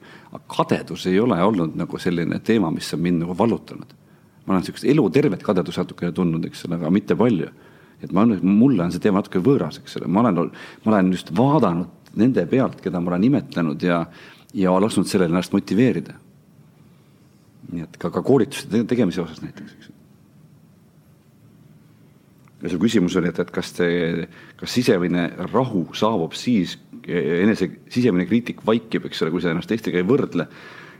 no mõõt, mõõtu võib ju võtta, see ei tähenda seda, kui sa kogu aeg võrdled ja kogu aeg nagu kannatad sellega, siis sa pead raudselt selle ära lõpetama mm. -hmm aga ma ütleks küll, et, et nagu see inglise keeles, et beebit ei maksa pesuveega välja visata. samamoodi ei peaks tingimata seda, noh, teiste peast mõõtu võtmist ju ähm,. see on, vaata, see on, see on lolli mehe unistamine. äge maja, ma tahan ka, eks ole. või hästi põnev, ma tahaks ka, tead. või, või äge auto või midagi sellist, eks et nagu vaata midagi, midagi, mis kellelgi on või mida keegi suudab ja küsi endalt, et huvitav, miks ma ei võiks nii teha? äkki mulle sobiks ka, eks ole, vähemalt võin proovida vähemalt, eks ole. ja see on retsilt edasiviiv jõud, eks ole. jah, nagu.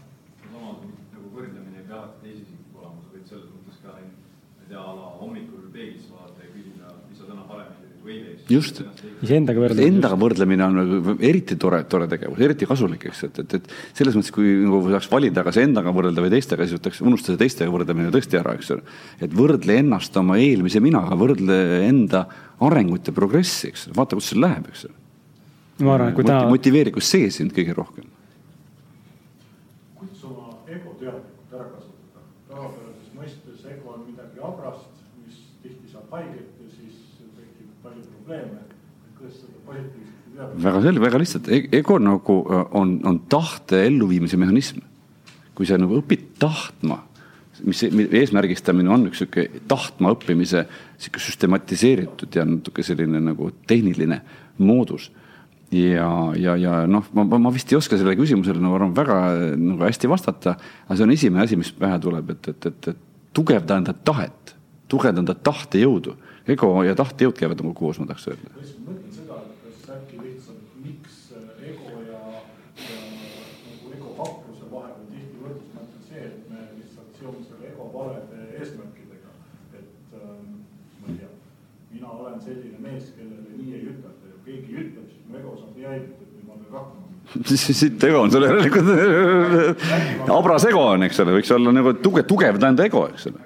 teise külje ja teise külje pealt on ka see, et tugevda oma, oma vaimu, tugevda oma sellist, tugevda oma südant, et, et, et, et, et ähm, ja see, tagasi läheb kõik ikkagi, see on sihuke sisemine töö iseendaga mm. -hmm. et, et ego ei ole mitte midagi nagu halba, ta on lihtsalt üks, üks, üks, üks nagu osa sinu isiksusest. ta on üks osa sinust ja, ja kui ta jällegi nagu näiteks, kui sa ütled, et nälg ja õgimine, eks ole, on ka osa näiteks ühe inimese isiksusest, mõnel on, eks ole.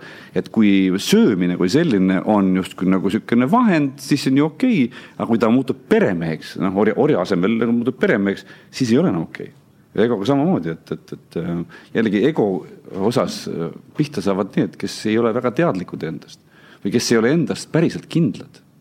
Nagu näiteks jah, ma toon lihtsa näite, ma, ma tunnistan, on olnud aegu, kui ma tean telefoniga foori taha passima ja keegi piiksutab näiteks tagant.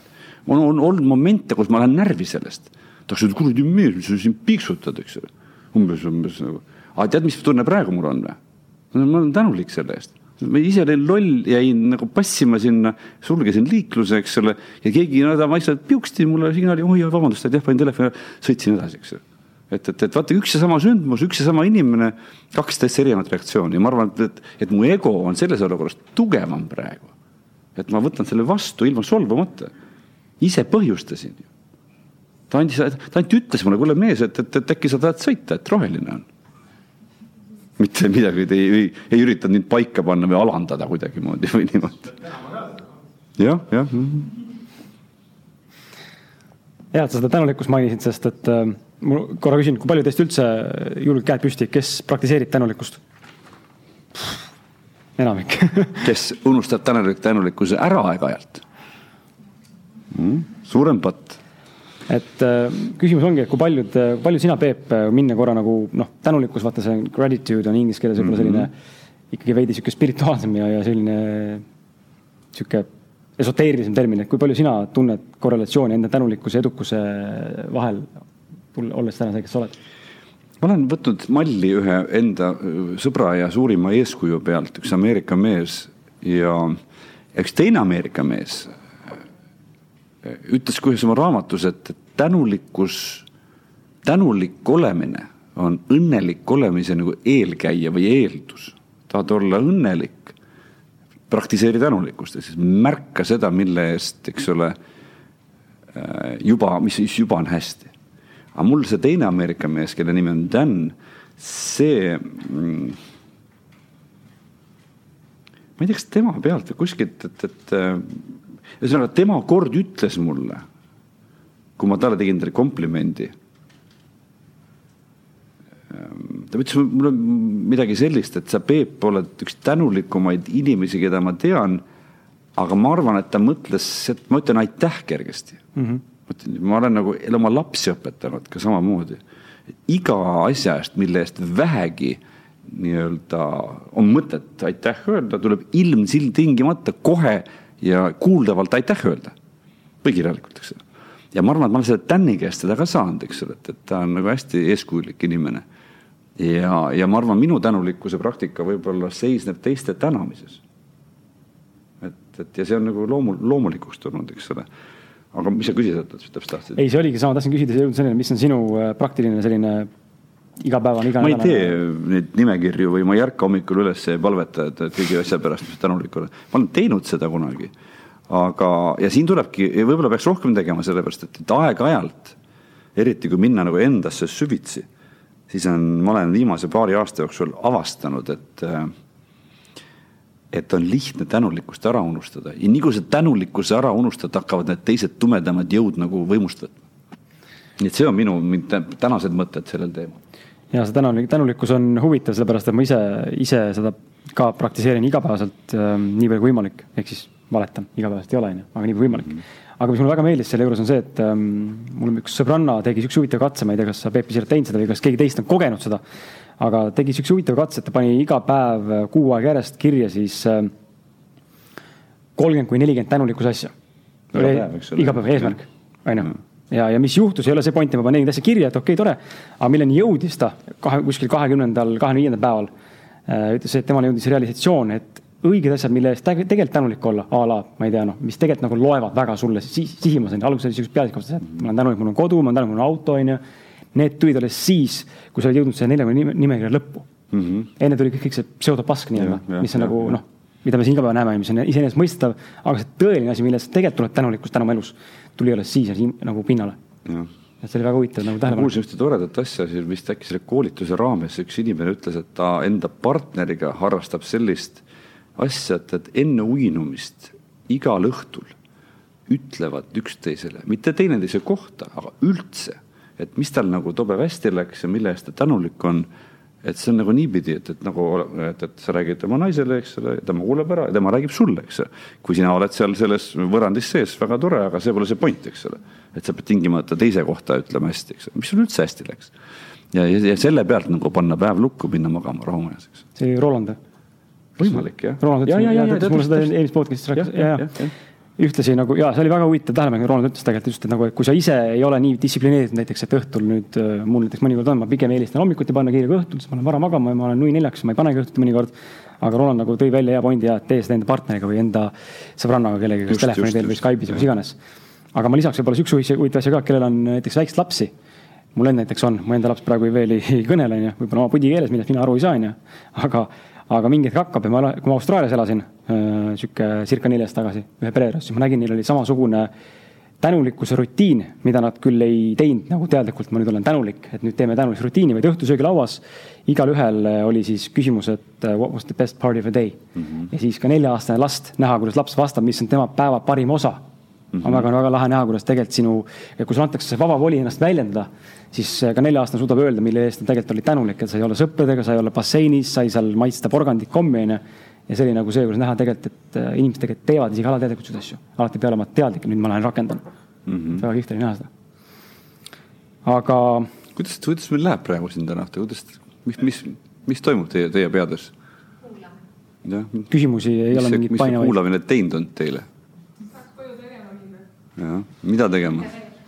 jah, mida tegema jah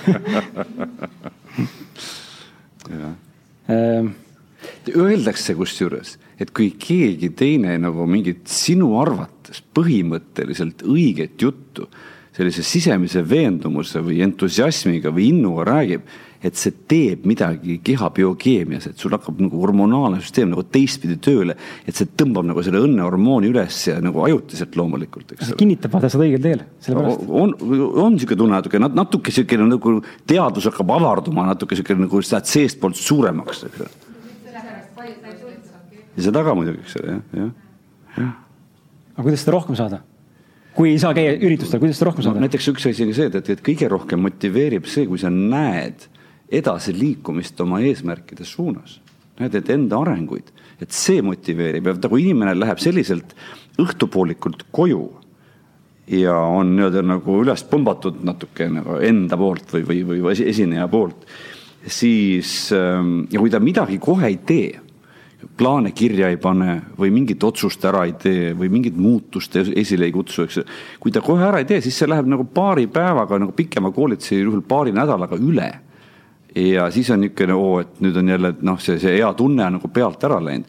aga nii kui sa seal midagi tegema hakkad, teed kasvõi ühe asja ära, paned kirja, teed sammud, teed otsused, teed kõne, eks ole. ja siis sa hakkad nagu lihtsate asjadega nagu liikuma, et, et sa ei vaata, üritad kogu sammu ühe korraga ära teha, eks ole. ja siis see liikumine, just nimelt nagu sa nimetasid liikumist, see motiveerib see edasiliikumine millegi suunas, see areng võib, et läheb nagu, nagu see linn tuleb lähemale, kilomeetrid jäävad väiksemaks postide peal, numbrid, eks ju. et see on nagu, oo jess, et, et hakkab tulema, et, et sa pead ise seda taastootma lugema mingeid asju, kuulama mingeid asju, ma lugesin seda, ma arvan, kui te minu raamatut lugete, loete, kujutate ette minu, minu, minu häält nagu selle juures, juba see võib olla nagu natuke tugi, et peate ise tegema, eks ole.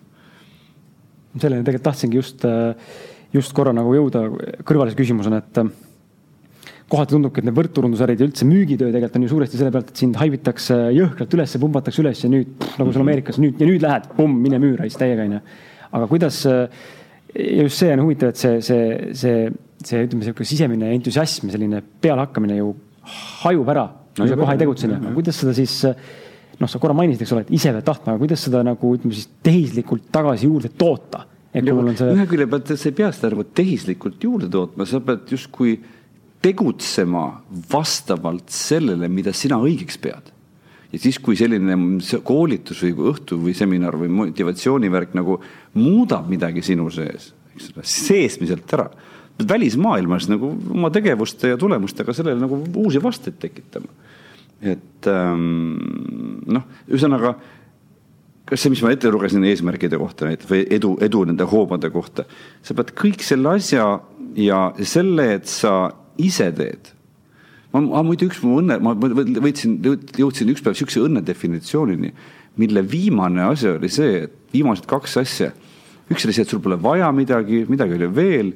üks oli see, et sul on, et sa julged abi küsida ja sul on häid sõpru, kelle käest abi küsida, ustavaid sõpru, kes sind aitavad ja viimane asi oli ja see, et sa oskad iseennast ka aidata. see on põhiline, ma arvan. Et sa oskad justkui enda mõtteid selgeks mõelda, enda otsuseid kirja panna, enda otsuseid ära muuta, häbitundeta sealjuures, juhul kui need ei toimi enam, eks ole. vaadata elu suures plaanis, julgeda visiooni ette kujutada, julgeda sealt nagu suunda sättida, julgeda eesmärke panna, ühesõnaga kõige rohkem, kõige elementaarsem vastus minu arvates su küsimusele on see, et kui sa nagu oled saanud selle otsa peale ja sul tuleb juba asjade muutmine ja enesega muutmine, kui nii võib öelda välja, eks, enese arendamine ja samas enesega rahul olemine, eks ole. et, et, et sa saad aru, et, et, et kui palju on su enda käes oma elu väikeste sammudega, väikeses ajaühikus ja suurte sammudega, suures ajaühikus järjest kas siis paremaks sättida või korda sättida või ütleme, kujundada enda tahte järgi, arvestades teisi inimesi ning keskkonda ja võimalusi su ümber, enda andeid ja nende puudumist, eks ole. et sul on mingi oma, tekib mingi järjest tugevam kontroll, kontrollitunne. see on ääretult tähtis, eks ja see on nagu selleks autoga põhimõtteliselt, kus kõik nagu süsteemid töötavad. selle asemel, et, et keerad rooli vasakule, tegelikult läheb paremale hoopis, mis auto see on, eks ju vajutad, tahad seisma jääda, tunned nagu pidurit ei tööta, eks appi-appi, seda vastab posti praegu näiteks. et sa ise oled see auto ja sa ise oled see juht ja sa suudad ennast timmida, oma energiataset timmida, oma füüsilist heaolu, omaenda vaimset tervist, omaenda intellektuaalset arengut kõike, mis sa loed, kõike, mis sa kirjutad, kõike, kellega sa räägid, kõike, mis sa ette võtad, et see on su enda teha. minust sõltub see eriti pikas plaanis, kuhu see laev nimega Peep Vain või mis iganes sinu nimi on, liigub, eks ole see on see, ma arvan, see, see ma suudan tunne, millest ma pihta hakkasin, see on see kõige suurem iseenda motiveerimise, endal sellise nagu sihuke vungi ja selle high tunde nagu üleval hoidmise nagu vahend, eks mm. -hmm. ja see, ja see on pikk protsess, aga mitte väga pikk. tähtis on liikuma saada, tähtis on seda liikuma ja siis korrigeerida, liikuma ja muuta eesmärke, liikuma ja panna uued eesmärgid, liikuma ja puhata, mitte kogu aeg nagu joosta nagu hull, eks aga, aga eesmärgid on visiooni kontekstis ja visiooni lood sina, mitte keegi teine. mul oli huvitav, äh, on mõne, keegi küsimus äkki kellelgi? ei ole? kuidas see jutt teile meeldib, ma tahaks küsida? kuidas kanda üle sellist asja, kui sul on mingis valdkonnas väga selge visioon, mida sa tahad näha, mida sa tahad saavutada, eks ole. ja sul on sellega seoses ka väga tugev enesedistsipliin olemas. iga päev kindel harjumus, võib-olla isegi vahepeal kaob motivatsioon ära, kuna mm -hmm. hea harjumus. Teed lihtsalt tuimalt, jah? aga kuidas seda kõike kanda üle nagu nii-öelda leida see kujutleb, nii-öelda kujutpilt siis näiteks teises valdkonnas. näiteks, et tuleb mingi pool, näiteks tervise pool täiesti paigal, eks ole. näiteks tõsta see kõik üle, ütleme näiteks finantsvaldkonda. kuidas tõsta, no ma, ma, ma oleks, ma küsiks kohe vastu, et, et, et aga kui, kuidas, kuidas sa need eraldad üksteisest üldse, et, et kui sul tervise pool on korras ja sa oled enesedistsipliiniga ja süstemaatiline tegutseja, et, et et, et nagu või, või, või on seal mingi see, nagu ma ütlesin selle sõbrale, mingi käsipidur on peal, et sul on mingisugused errorid rahateemadega seoses, eks ju, saad aru? mina näeks pigem niimoodi, et kui see tervisega seotud on, et äh, mul on väga lihtne endale ette kujutada, et ma tahan näiteks aasta aja pärast äh, rinnalt suruda, ma ei tea, sada kilo näiteks. et seda on nagu, seda on nagu ääretult lihtne visualiseerida ja see teekond ääretult lihtne paika panna see puudutab nagu, ei teagi, mingit suuremat eesmärki. miljoni teenimine. finants, finantsküsimust, siis äh, seal ei ole enam nii lihtne. mis ei ole, sama asi, kuidas küsida sada eurot tunnis näiteks. täna küsin kakskümmend või viiskümmend, kuidas sada küsida, eks ju. mis vahet seal on selle rinnalt surumisega? küsiks tagasisidet. no mul on muidugi on mingi väike vahe, aga see ei ole nii erinev, ma tahaks öelda, eks. või on erinev? jah, jah arvestage sellega, kõige suurem pidur, mis rahaga on see, et, et kuskil mitmetes ühiskonnakihtides ja mitmetes perekondades kuskil on nagu, nagu tiib, vana, kas te mäletate mingi vanasti lasteraamatus, kus piimaga kirjutati valge lehe peale, siis keegi see triikravaga üle ja siis nagu mingi salakiri umbes, olete kuulnud või? et see nagu kuskil on piimaga kirjutatud, et rikkad on üldiselt mölakad. ja mina ei taha mölakas olla või üks sihuke selline, selline loogika, eks ole mitte ainult, eks ole, see on ka tänapäevases ühiskonnas nagu ma arvan, nagu või see, et, et, et selleks, et nagu materiaalselt jõuks saada, pead sa teistest üle sõitma. pead teisi ära kasutama, midagi taolist. mingisugused nagu ma tahaks öelda, vääruskumus. on olukorras, on inimesi, kes, kes käituvad niimoodi ja kelle pealt on võib-olla näha olnud. ja siis sa ütledki, et ma olen nagu korralik inimene iga inimese, ma arvan, sisemine suurim motivatsioon on A olla korralik inimene, hea inimene ja B jääda kooskõlla sisemise enda ettekujutusega enda identiteedist eks ole. kui see nagu vastuollu läheb, kui sul on ja siis, aga küsimus on, kas teistmoodi saab ka, eks ole, kas on ka teisi inimesi, kes õnnestuvad selles vald valdkonnas, muidugi on, eks ole. et, et, et pead jällegi tagasi töö iseendaga, töö enda teadvuse sügavamate kihtidega, töö enda arenguga, töö sellega, kust ma tulen, kes ma olen. et selline enese tundmise, enesedega tuttavaks saamise, enese teadvustamise, ma arvan, kõik võtmed on seal peidus tegelikult, eks. kui sa endast aru saad milline sa oled ja mis märkamatud, nähtamatud jõud toimivad, sind tõukavad või tagasi hoiavad, et siis hakkavad asjad nagu laabuma, mis hakkasid ütlema? tahtsin küsida tagasilöögi kohta, et paned eesmärgid, paned kuupäeva, ütled, et täna teen tunnis kakskümmend eurot, küsin mm -hmm. aasta pärast jõuan sinnamaani, et saan küsida stabiilselt sada ja noh, vahepeal midagi muutub, majandusseis, mis Mhm. iganes ja sa ei saa täpselt aasta pärast vaatad juba sinna eesmärgi lehte mm, -hmm. kuupäev on siin, ei saa saada küsida. ja nüüd sa lähed siit edasi, võib-olla sa poole aasta pärast saad juba kakssada küsida, täna sa ei tea seda, täna sa Mhm. saad ilmselt kakskümmend viis küsida. et ähm, kuidas sa siis nagu selle väga selge eesmärgiga, mis sa oled enda jaoks visualiseerinud, paika pannud, nüüd äh, ei hakka ennast teistpidi saboteerima, kui sa täpselt sellest kellast ei saavuta. elementaarne ju. lükkad edasi natuke. ma räägin, ma ei tee nalja, ma räägin tõsiselt, eks ju. Ise panid eesmärgi, ise panid tähtaja, ise lükkan edasi. eriti kui on näha, et ei saa. mis küll tõmbad oksa ennast, on teine alternatiiv. räägid sõbrale, küll ma olin loll. ma, ma, ma olin kahekümne seitsme aastane, töötasin, esimene päris töökoht oli üks hulgimüügifirma, eks ja mina ja üks omanikest olime nagu seal pumba juures, rooli, roolisime seda, eks ju. ja panime eesmärke, tegime eelarveid ja kõiki asju ja, ja ja ma arvan, nagu kolm aast- aastat, mis ma seal töötasin, eks ole, kahel aastal see müügiosakond, mille minu alluvuses saavutas selle aasta eesmärgi täpselt aasta hiljem, kui ette nähtud, eks. on nagu, et, et see, see, mis sa kirjeldad, viitab sellele, et inimene on jõhkralt optimistlik, eks ole, ülemäära optimistlik. ja see on okei okay,, et, et ma arvan, et see ülemäärane optimism, eriti noores peas, teenib sind rohkem kui pessimism. mida vanemaks saad, seda rohkem on tarvis reaalsustajuga nagu hakata nagu sõbraks saama aga just, et, et, et kui, kui on vaja, lükkad edasi, eks ole, ise saad aru, sa pole kuskile allkirja andnud, sa pole lubanud, et, et, et kui nüüd selleks ajaks seda ei jõua, et siis ma ei tea, ma midagi lähen panen kümme küünalt kirikusse näiteks või, või hüppan nagu pea ees sillalt alla või midagi, et noh, ei tulnud välja lihtsalt, see kõik mäng. ise mängid oma reeglite järgi, ise sead neid äh, sihte, eks ole ei maksa masenduda, jah, okei okay., masendunud on siis, kui sul on enda või teiste ees häbi et ma ütlesin välja ja tegin, sellepärast ei maksa kõigile, kõigile rääkida. Tasub rääkida nendele, kes sind toetavad. kui sa ütled, et ja siis sa hakkad endale nagu molli andma ja siis tema ütleb, et, et ei ole midagi, et, et, et küll on aega, ära muretse, eks ju. et, et sõbrad on selleks, et sind toetada. et ikkagi point, ma, ma tean täpselt seda küsimust ja ma olen täpselt endale molli andnud, aga ajapikku saad aru, et, et nagu no big deal, noh, et, et, et muudan ära. ise muudan ära või eesmärki, eesmärke peabki muutma. väiksemaks ja suuremaks täiesti likvideerima ja uusi võtma. ja visioon ka muutub. Sest et sa ei oska tõepoolest täna ette näha midagi, mis on viie või kümne aasta pärast. võib-olla me oleme surnudki kümne aasta pärast. oi, häbilugu küll, eks ole. panin eesmärke, nüüd olen surnud, kõik oleme surnud, eks ole. nutan natuke selle üle, eks ole. jah aga selles mõttes, et äh, nagu kuidas tagada nagu mitte anda nagu kahtlaid lubadusi, nagu mingi teatud. Endale või teistele? Endale, ikka endale.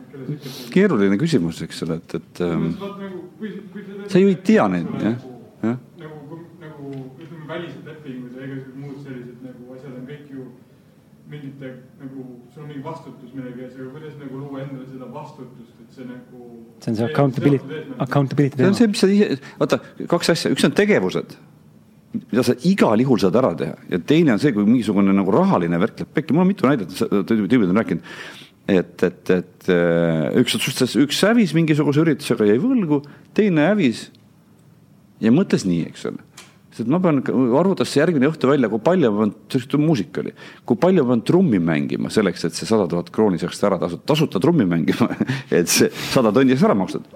mängis nii kaua trummi tasuta, kui ära makstud sai, eks. see see on otsuse koht, eks ole. muidugi võiks üle lasta. aga kas sa oled sihuke tüüp, kes laseb või mitte, eks. et sa saad, sa saad küll endale antud lubadusi täita. Võib-olla mingid asjad, mis sa teistele annad, mingid olukorrad muutuvad nii ära, et sa päriselt ei saa. näiteks sa saad, sa tahad trummi mängida, aga tulevad käed küljest ära, eks ole siis sa ei saa. oleks ainult ükski käsi, siis saaks. nii et, et aga endale antud lubadused nagu peaks vaatama selle arvelt, et ja, ja teinekord on ka see, et võib-olla, võib-olla oli nõme lubadus äkki või. andsid endale rumala lubaduse. et sa pead olema väga põhimõttekindel, aga samas ka tark, et vahet teha, mis, mille osas tasub tagasi võtta. naljaga pooleks, et mees annab sõna, mees võtab sõna, eks seal on mingi point olemas, eks ole, kuigi ma ise olen selle poolt, et tuleb lubadusi pidada. lubaduste, lubaduste pidama õppimine on täiskasvanuks saamise ja ka edukas olemise üks nagu nurgakivisid, ma, ma, ma leian. ma võib, ma ei tea, kas küsisid küsimuse, kas sa oled äh, meie regulaarne podcast'i kuulaja muidu? okei okay,, siis võib-olla sa ei ole seda saadet kuulanud. ma toon isikliku. nii ja naa tähendab, et pigem ei ole. pigem ei ole. regulaarne on, kuulan kogu aeg et aga, aga ei ole hullu, et aga ma toon sulle isikliku ühe näite, kuidas mina sattusin sellesse rolli, ehk siis sa küsisid tegelikult vastutustunde ja vastutuse võtmisi iseenda ees, mitte ainult teiste ees, vaid iseenda ees. mul juhtus paar kuud tagasi selline sündmus, et üritan iga päev olla siin aktiivne ja edukas ja, ja nii edasi, eks ole, on ju. ja, ja olla tegus erinevates valdkondades, aga ikka alatihti juhtub see, et äh, mingis asjas olen nagu justkui kehvem ja sitem ja midagi tegemata ja siis tunned ennast halvasti ja masetsed ja siis vaatad peeglisse, sõimad ennast ja võib-olla ei sõima ka, on ju. ja siis äh, ma jõudsin nagu, ma pärast räägin võib-olla ka sellest, kuidas päevikut kirjutada, sest minu jaoks on päevik kirjutamine äärmiselt suur teraapiline viis, kuidas endast nagu lahendada, enda mustreid. ja ma võtsin kätte päeviku, kirjutasin lahti, mis mu sees toimub niimoodi nagu kirjutatakse esseed, eks ole, või, või mingisugust etteütlust koolis ja ma jõudsin siis selleni, et äh, probleem ei olnud mitte selles, et mul on liiga palju kohustusi, vaid probleem oli selles, et äh, ma ei austa iseennast. ja just selles osas, et äh, ma tahangi nagu valusalt küsida sinu vastu võib-olla küsimuse, et kas sa austad iseennast piisavalt täna? saad sa mulle öelda jah või ei? Noh, kui sa ei ütle mulle jah, siis järelikult on ei. Jär... ära, ära keeruta, sa ütlesid, sa ei öelnud, sa ei öelnud, sa ei öelnud jah mulle, järelikult on ei jaa, aga see sõltub alati nagu. ei, see ei sõltu.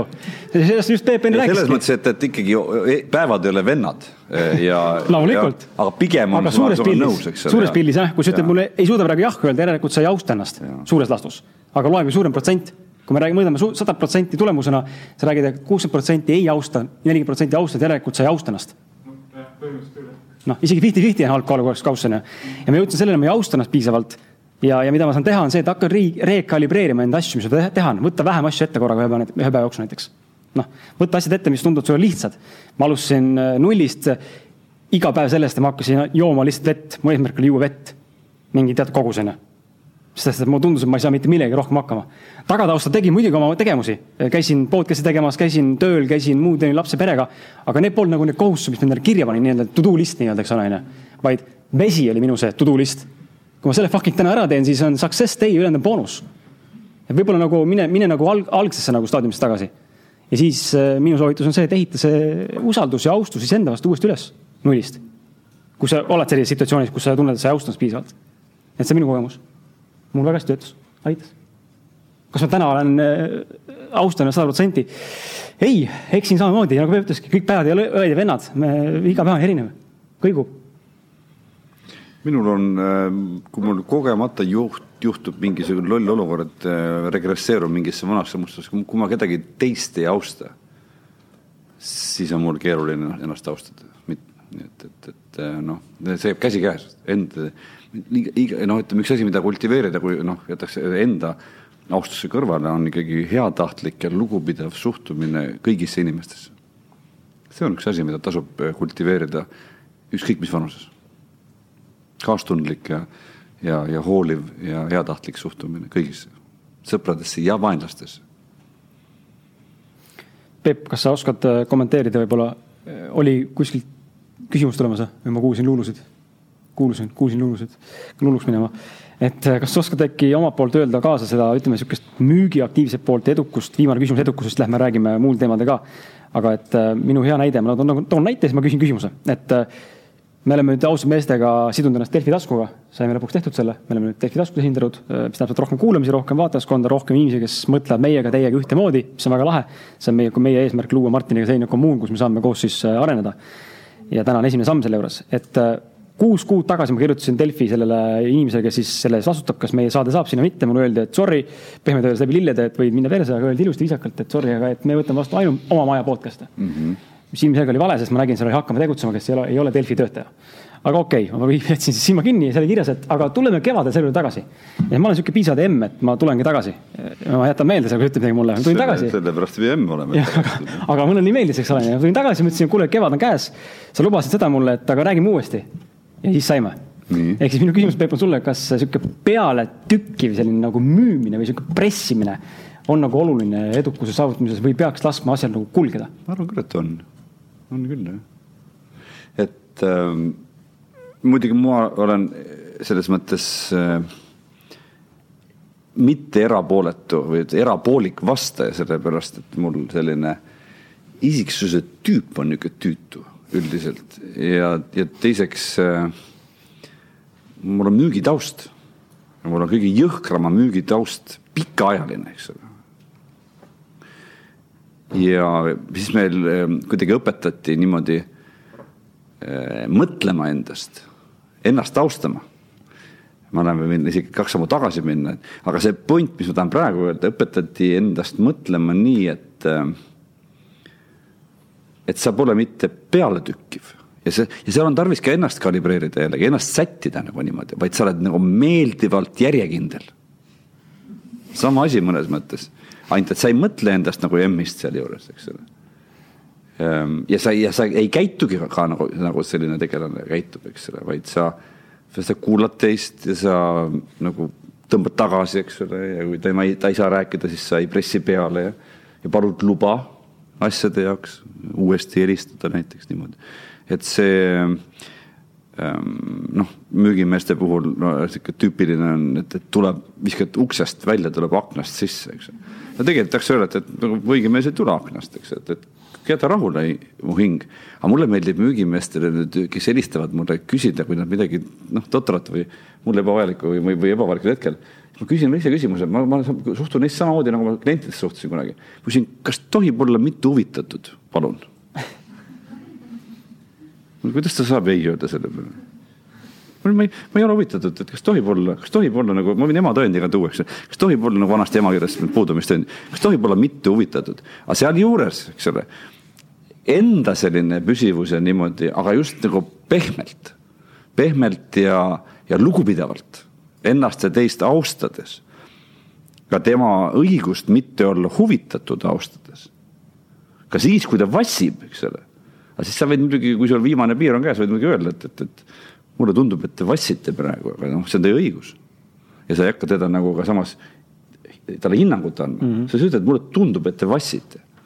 Mulle tundub, et, et, et ei räägi päris tõtt või mis iganes, eks.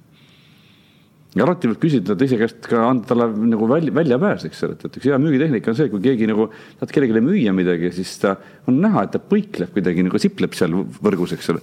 võid küsida, et, et kui ma ei saa täpselt hästi aru, et, et ütle, kas sa otsid praegu võimalust sellest vestlusest nagu väljuda ja, ja mitte osta, otsid nagu põhjendusi, et mitte osta või otsid sa päriselt põhjusi, et, et miks sellest reaalselt huvituda, et kuhu poole sa pigem kaldud. ma võin sind mõlemas aidata. ainult ütle, eks, et kui tahad välja, ütle. ma vägisi midagi teha ei taha kellelegi, eks. oled tegelikult oled huvitatud, ütle, eks, aitame koos mõelda mm. -hmm. ja siis see pigem on see, et sa tõmbad selle vaakumisse nüüd, et see tuleb su poole, mitte sa ei, ei käi talle rõvedalt pinda, eks mm. -hmm aga see on kõik sihuke isiksus ja julgus ja oskus ja paindlikkus ja püsivus ja timmimine, aga lühike vastus su küsimusele on noh, ja või ei? jaa, loomulikult. kes küsimust mäletab üldse? istute siin, eks ja umbes niimoodi edukaks saamise juures ja ikka kuulata, ma vahel kontrollin, eks. kui palju teil on, äh, kui paljud teist saavad täna öelda, et teil on kirg, mille suunas te liigute teadlikult, käed püsti? Jõhker tegelikult, ikka inimesed on väga teadlikud, väga lahe, mulle väga meeldib see. Äh, Peep, ole hea, ütle, ütle mulle sinu arvamus, sest et minul ju puudub, mul on kirg olemas, aga, aga et mitte mul enda arvamus puudub, aga. valetad oh,, arv-, mõtlesin, et teed nalja enda üle praegu. ei, ei, et aga, et mul puudub äh, see, ütleme ma olen üsna, üsna kehv, isegi ütleme väga kehv, tehe, tehes midagi ainult puhtalt raha nimel. Ma näen seda, see on mingi muster, mida ma pean läbi hamustama või siis ei sobigi mulle. aga ma näen, et nii kui ma hakkan tegema midagi raha nimel, siis elu lihtsalt keerab mulle mõnusa siukse sõna otseses mõttes S-i augu. ja, ja aga kirjapõhja liikumisel on nagu minu jaoks lihtne, ma saan sellest aru, see töötab, see läheb ilusti, see väga töötab, onju. Mhm. küsimus sulle, mis vahe on raha nimel ja kirjapõhjal tegutsemises ja kumb on parem või kas saab neid ühendada? muidugi saab ühendada, minu arvates, aga kirg on parem ma kasutaksin sõna huvi. kirg on nagu vastik sõna veidike, eriti kui sa lähed sellesse nagu ladinakeelsesse eh, sõna päritolus. kes teab, mis, mida tähendab ladina keeles passioon? kirg, passion, passioon. mis on teine, teine tähendus selle sõnale? no mõelge peaga, mis olid, oli ju Jeesuse passion of Christ ma ei arva, et seal tegemist oli mingisuguse seksuaalse või mingisuguse maailma parandusliku kirega, eks ole. Mida tähendas filmi pealkiri The Passion of Christ? mis, millega mees tegeles viimastel päevadel? õige, järelikult see tähendab mida? Jeesuse kannatused, the passion of Christ.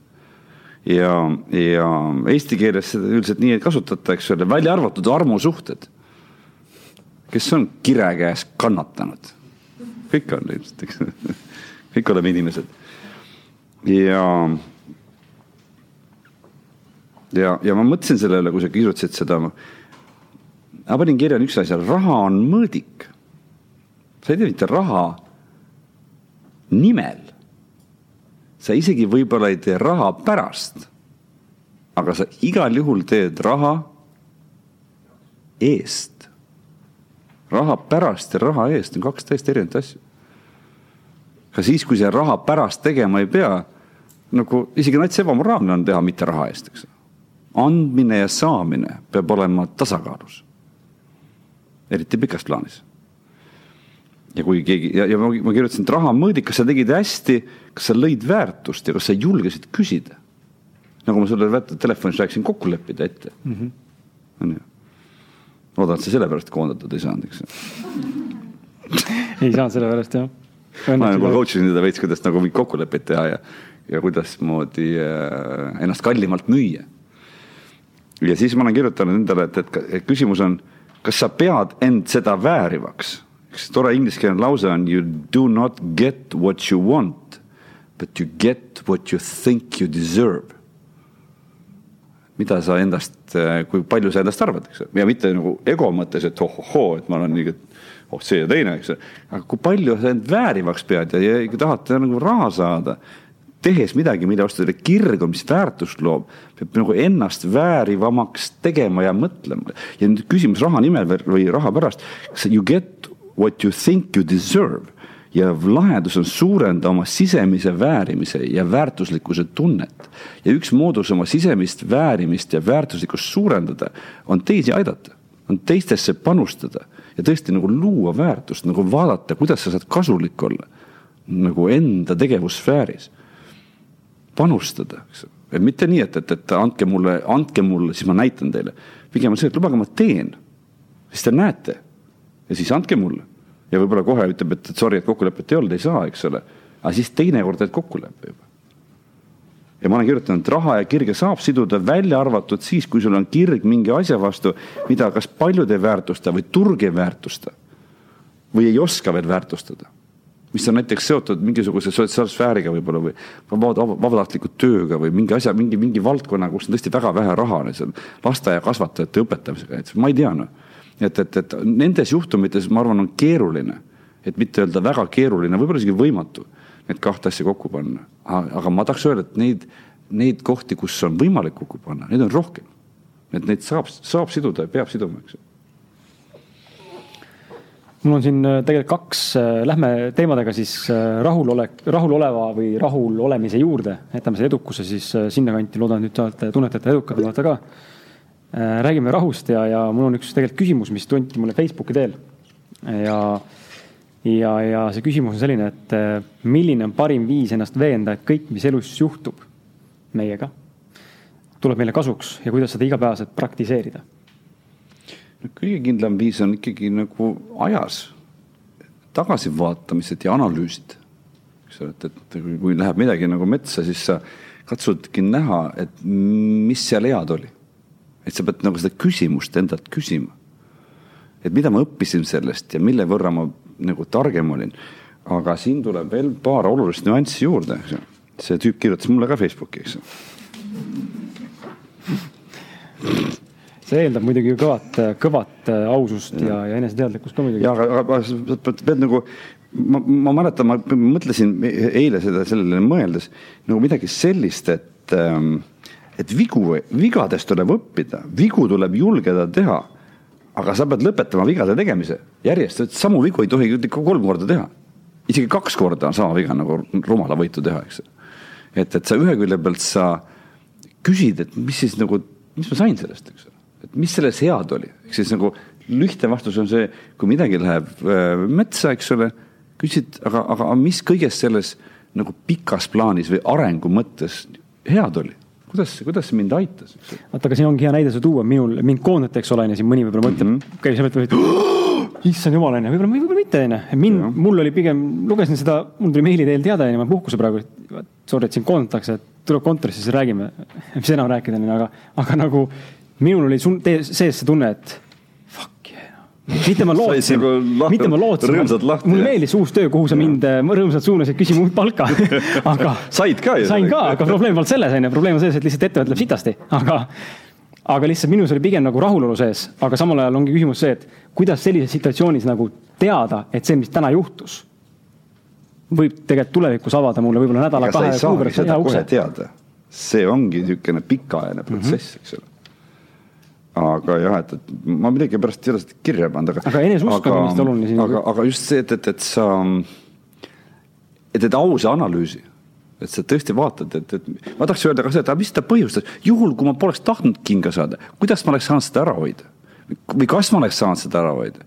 ja see läheb tagasi edukas olemise esimese selle tööriista juurde, vastutus. mis minu osa oli? mis, mis, mis, kuidas ma seda kaaspõhjustasin? Näiteks ma sain, sain puuga eelmine aasta, ise põhjustasin omale jõhkra trauma, eks ole. ja siis muidugi mul on endale ka ju vaimsed huvid ja, ja ma mõtlen neid samu mõtteid, aga kui mul lõpuks niimoodi viskas üle, kui iga inimene, kes ta vastu, no kas sa oled välja mõelnud juba, mis selle nii-öelda sihuke vaimne dimensioon on ja kuidas sa sellest kasu said, eks. Fuck, jaa, olen küll, eks ole. mul on teid küsimisest juba siiber, eks ole et, et ja samas see ei ole lihtne protsess, see on nagu pikaajaline protsess, et uuridki. loomulikult saad aru, eks, ahaa, kiirustasin, ei olnud kohal, olin keskmest väljas, eks tahtsin kangelast mängida bla,, blablabla. ja teise külje pealt on see, et, et äh, ma noh, ja see tuleb hiljem. ma sain alles üks päev nüüd aru, et, et, et, et see raamat Keset elu, mis ilmus eelmisel aastal, see, et ta ilmus ja see, et ta selline sai, on, ma arvan, selle õnnetuse tagajärg et õnnetus lõi mul nagu kuke nagu korralikult välja, eks ole, tõi nagu madalamas kui muru, eks ole. keha oli pilvasteks ja niisugune ei saa isegi nagu vetsu normaalselt, eks ole. ja siis kirjutad selles nagu alandlikus olekus ja kirjutadki neutraalselt, ei kipu õpetama ja ei kipu ennast üle tähtsustama ja nagu tõmbad ennast nagu tagasi. lugege seda keset elu raamatut see on nagu see, see kõige tähtsam küsimus on hea raamat, siis keset elu on väga hea raamat, eks ole, kõigile ei pruugi meeldida aga ta on hea raamat selles mõttes, et, et ta nagu ei kipu õpetama ja ta nagu sunnib ennast analüüsima ja, ja ta räägib mingist oma kogemustest ja ta toimib, eks aga toimib sellepärast, et, et, et must oli selline nagu, nagu, nagu mehelik ego nagu välja pekstud füüsiliselt. ja, ja mul küsis ajakirjanik Tervis plussi läheb juunikuus intervjuu, küsis, et, et, et kui sa nüüd täna kirjutaksid, et kas oleks sama või erinev, ma ütlesin, et, et küll ta erinev oleks. ma ei ole täna nii alatlik enam, kui ma olin möödunud suvi, eks et see, sellest oli kasu, eks ole ja, ja ütleme nii, et, et võib-olla oli kasu sellest ka, et, et ma nagu olen autos olnud nagu tähelepanematu ja, ja vahest näpin telefoni niimoodi.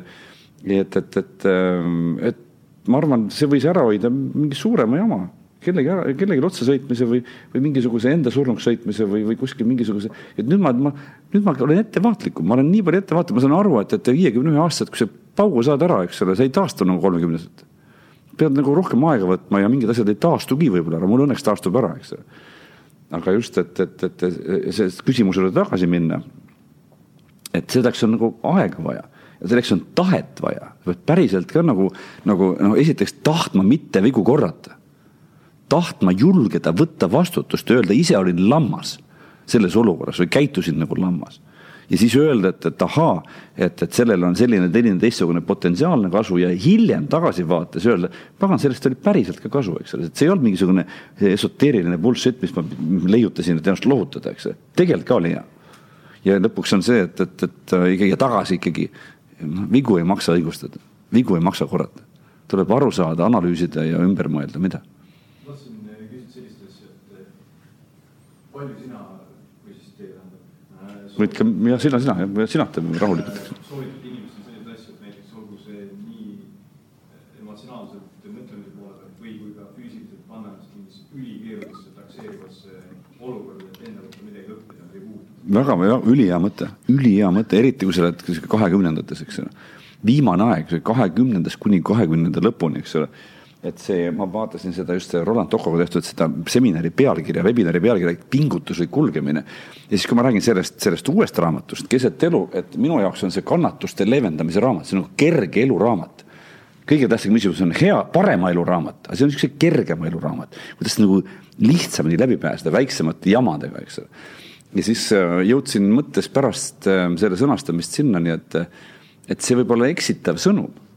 et, et kahekümnendates ei tohi otsida kerget elu. tuleb otsida raskete raskusi ja ennast ületada ja, ja tugevaks teha ennast. et ühesõnaga e- kannatused on kerged siis, kui sa oled tugev. rasket poekotti kanda on kerge, kui sul on kätes jõudu, eks ole. emotsionaalseid kannatusi on lihtsam taluda, kui sa ei ole liiga pehme, eks. sa pead ennast nagu tugevaks tegema. ja samal ajal mitte südant tugevaks, kõvaks ajama, eks ole vaid hoidma südame lahti ja pehme, aga tegema ennast nagu emotsionaalselt, psühholoogiliselt tugevaks, inglise keeles resilient, et sa elu raskustega tuled toime. ja samal ajal kogu aeg püüad lihtsustada, eks ole. et see on niisugune nagu kahe, kahe poolega mäng, eks ole, nii et, et hästi hea point visati sinna. Ehm, Sille, tõsta käsi korrale, tütarlaps on seal, teine küsimus tuleb temalt mm, -hmm. et äh, kas elu läheb paremaks, kui me räägime teistele sellest, mida me teeme see sõltub, mida sa teed ja kellele sa räägid et mida sa mõtlesid sellega, sa mõtlesid, et, et oma eesmärkidest räägid või, või saavutustest räägid või? jah. jah. on oluline. jah, ma tahaks öelda seda, et, räägid eesmärkidest nendele, kes sind toetavad ja e-, ütleme nii, et enne muned ja siis kaagutad, see on mõistlikum, eks ole, nagu vanasti öeldi aga samal ajal endale ja oma sõpradele, kes sind toetab, tuleb küll, vaata see, ma ei tea, miks osad lehed on puudu, eks, et äh, et rääkimine on igal juhul hea. rääkimine lähendab inimesi ja seob inimesi kokku. rääkimine ühendab inimesi. see on ka psühhoteraapia mõte, rääkimine tervendab. et kui sa saad ka oma ebaõnnestumistest kellelegi välja rääkida, ainult rääkida, mitte ühtegi lahendust või, või diagnoosi või ravi nagu saamata või kuulmata, lihtsalt räägid välja, ise kuulad ennast rääkimas. või teed seda kirjutamise nippi, millest Kris räägib, mida ma ka palju praktiseerin siiamaani, eks. et, et see mm, on igal juhul hea, aga sa pead nagu väga selgelt nagu valima, kellele sa mida räägid kui elu paremaks ei lähe, kas siis see on asi, mille põhjal aru saada, et sa ei tegele õige asjaga? No see eeldab, et sa tegeled selle asjaga, eks. et tihtipeale inimesed mõtlevad, räägivad, aga ei tegutse.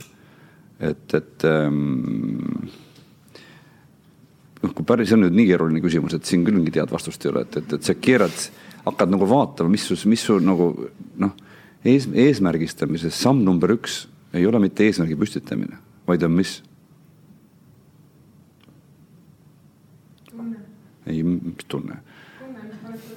Ei, mingit tunnet ei ole, on küsimus, kus ma praegu olen, tahad, tahad kaalust alla võtta, oled sada kilo, eks ole, tahad ka võtta kakskümmend kilo kaalust alla, pead kebi kaalu peale kõigepealt, eks ole. palju tegelikult kaal on täna, eks ole. tahad hakata orienteeruma, sul on mapp, kaart ja kompass, aga sa ei tea oma tänast asukohta, sest sa ei saa sealt metsast välja, eks ole. kui sul just GPS-i ei ole kaasas, eks.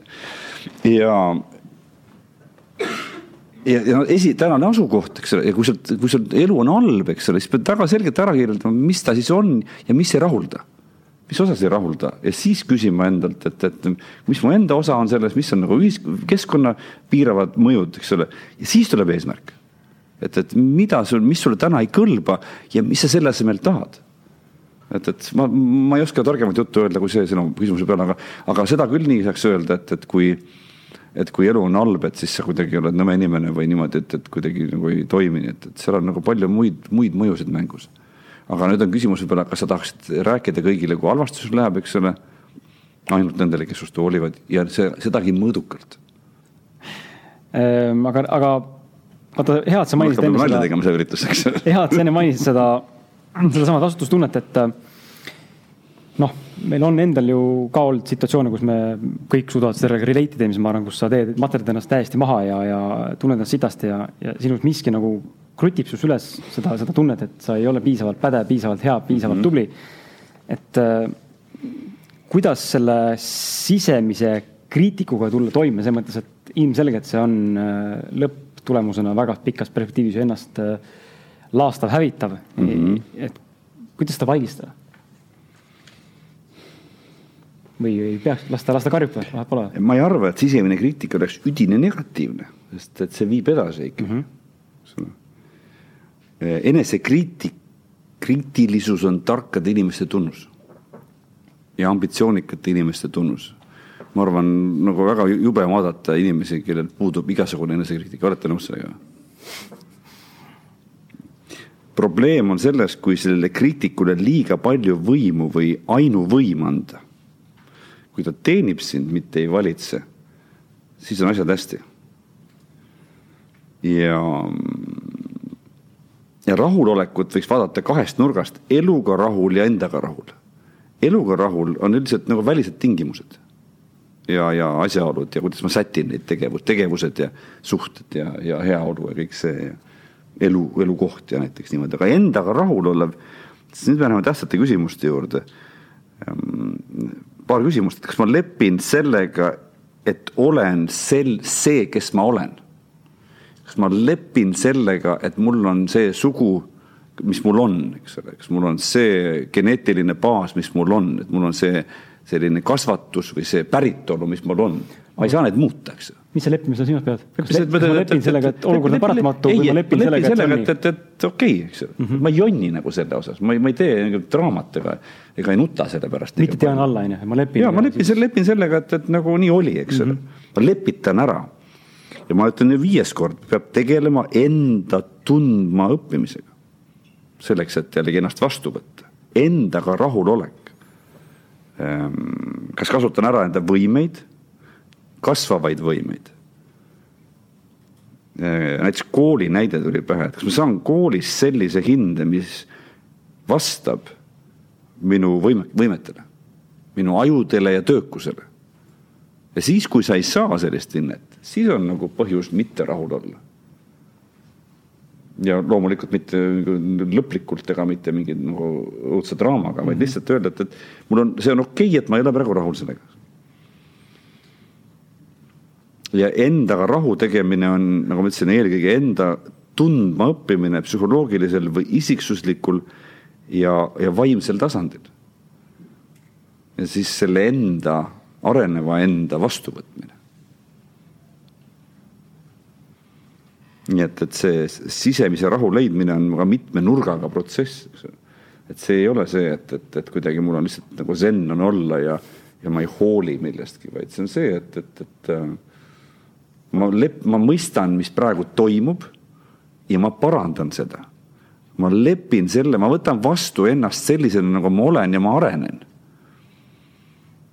Ja ma ei mineta hetkekski enesekriitilisust. Aga ma ei anna sellele kriitikule võimu.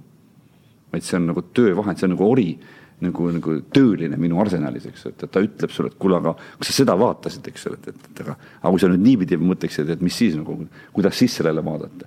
ja ongi küsimus, et kus su standard on, eks kus su ambitsioon on, kus su, kus su see edulatt on? Mida kõrgemal see on, mida suuremad on võimed, mida rohkem võimet kasvatada, seda kasulikum on see kriitika et kui sa oled rahuldud keskpärase tulemusega ja vi ei viitsi eriti pingutada, eriti kahekümnendates, siis sul pole selle kriitikuga midagi, siis, siis on see kriitik puhta negatiivne. siis ta on su vaenlane, kes su enesehinnangut hävitab, minapilti nagu taob, eks ole. et see on minu vastus sellele küsimusele mm. -hmm. Teil on mingi mõte äkki ei ole? tekkis, ei tekkinud? Sa küsisid, kui me lõpetame ennast teistega võrdlemisega, siis saabub sisimas rahu mm. -hmm. ma ütlesin, et rahulikumaks läheb küll igal juhul, kas lõplik rahu, selles kahtlen. muid asju veel. sa arvad, et lõplikku sellist nagu zen momenti, kus kõik on nagu Buda ma ütlen enese, jällegi ükski asi pole negatiivne ega positiivne läbinisti, enesega mm, -hmm. teistega võrdlemine ei ole negatiivne läbinisti, eks. aga see, miks rahu puudu on, see võib olla lihtsalt sisemine rahutus lihtsalt see, et, et sa ei tea, kuhu sa oled teel näiteks või see, et sa, sul on midagi, mingid alateadlikud jõud möllavad su sees, millest sul aimugi ei ole. ja see nagu väljendab rahutuses või rahulolematuses. nagu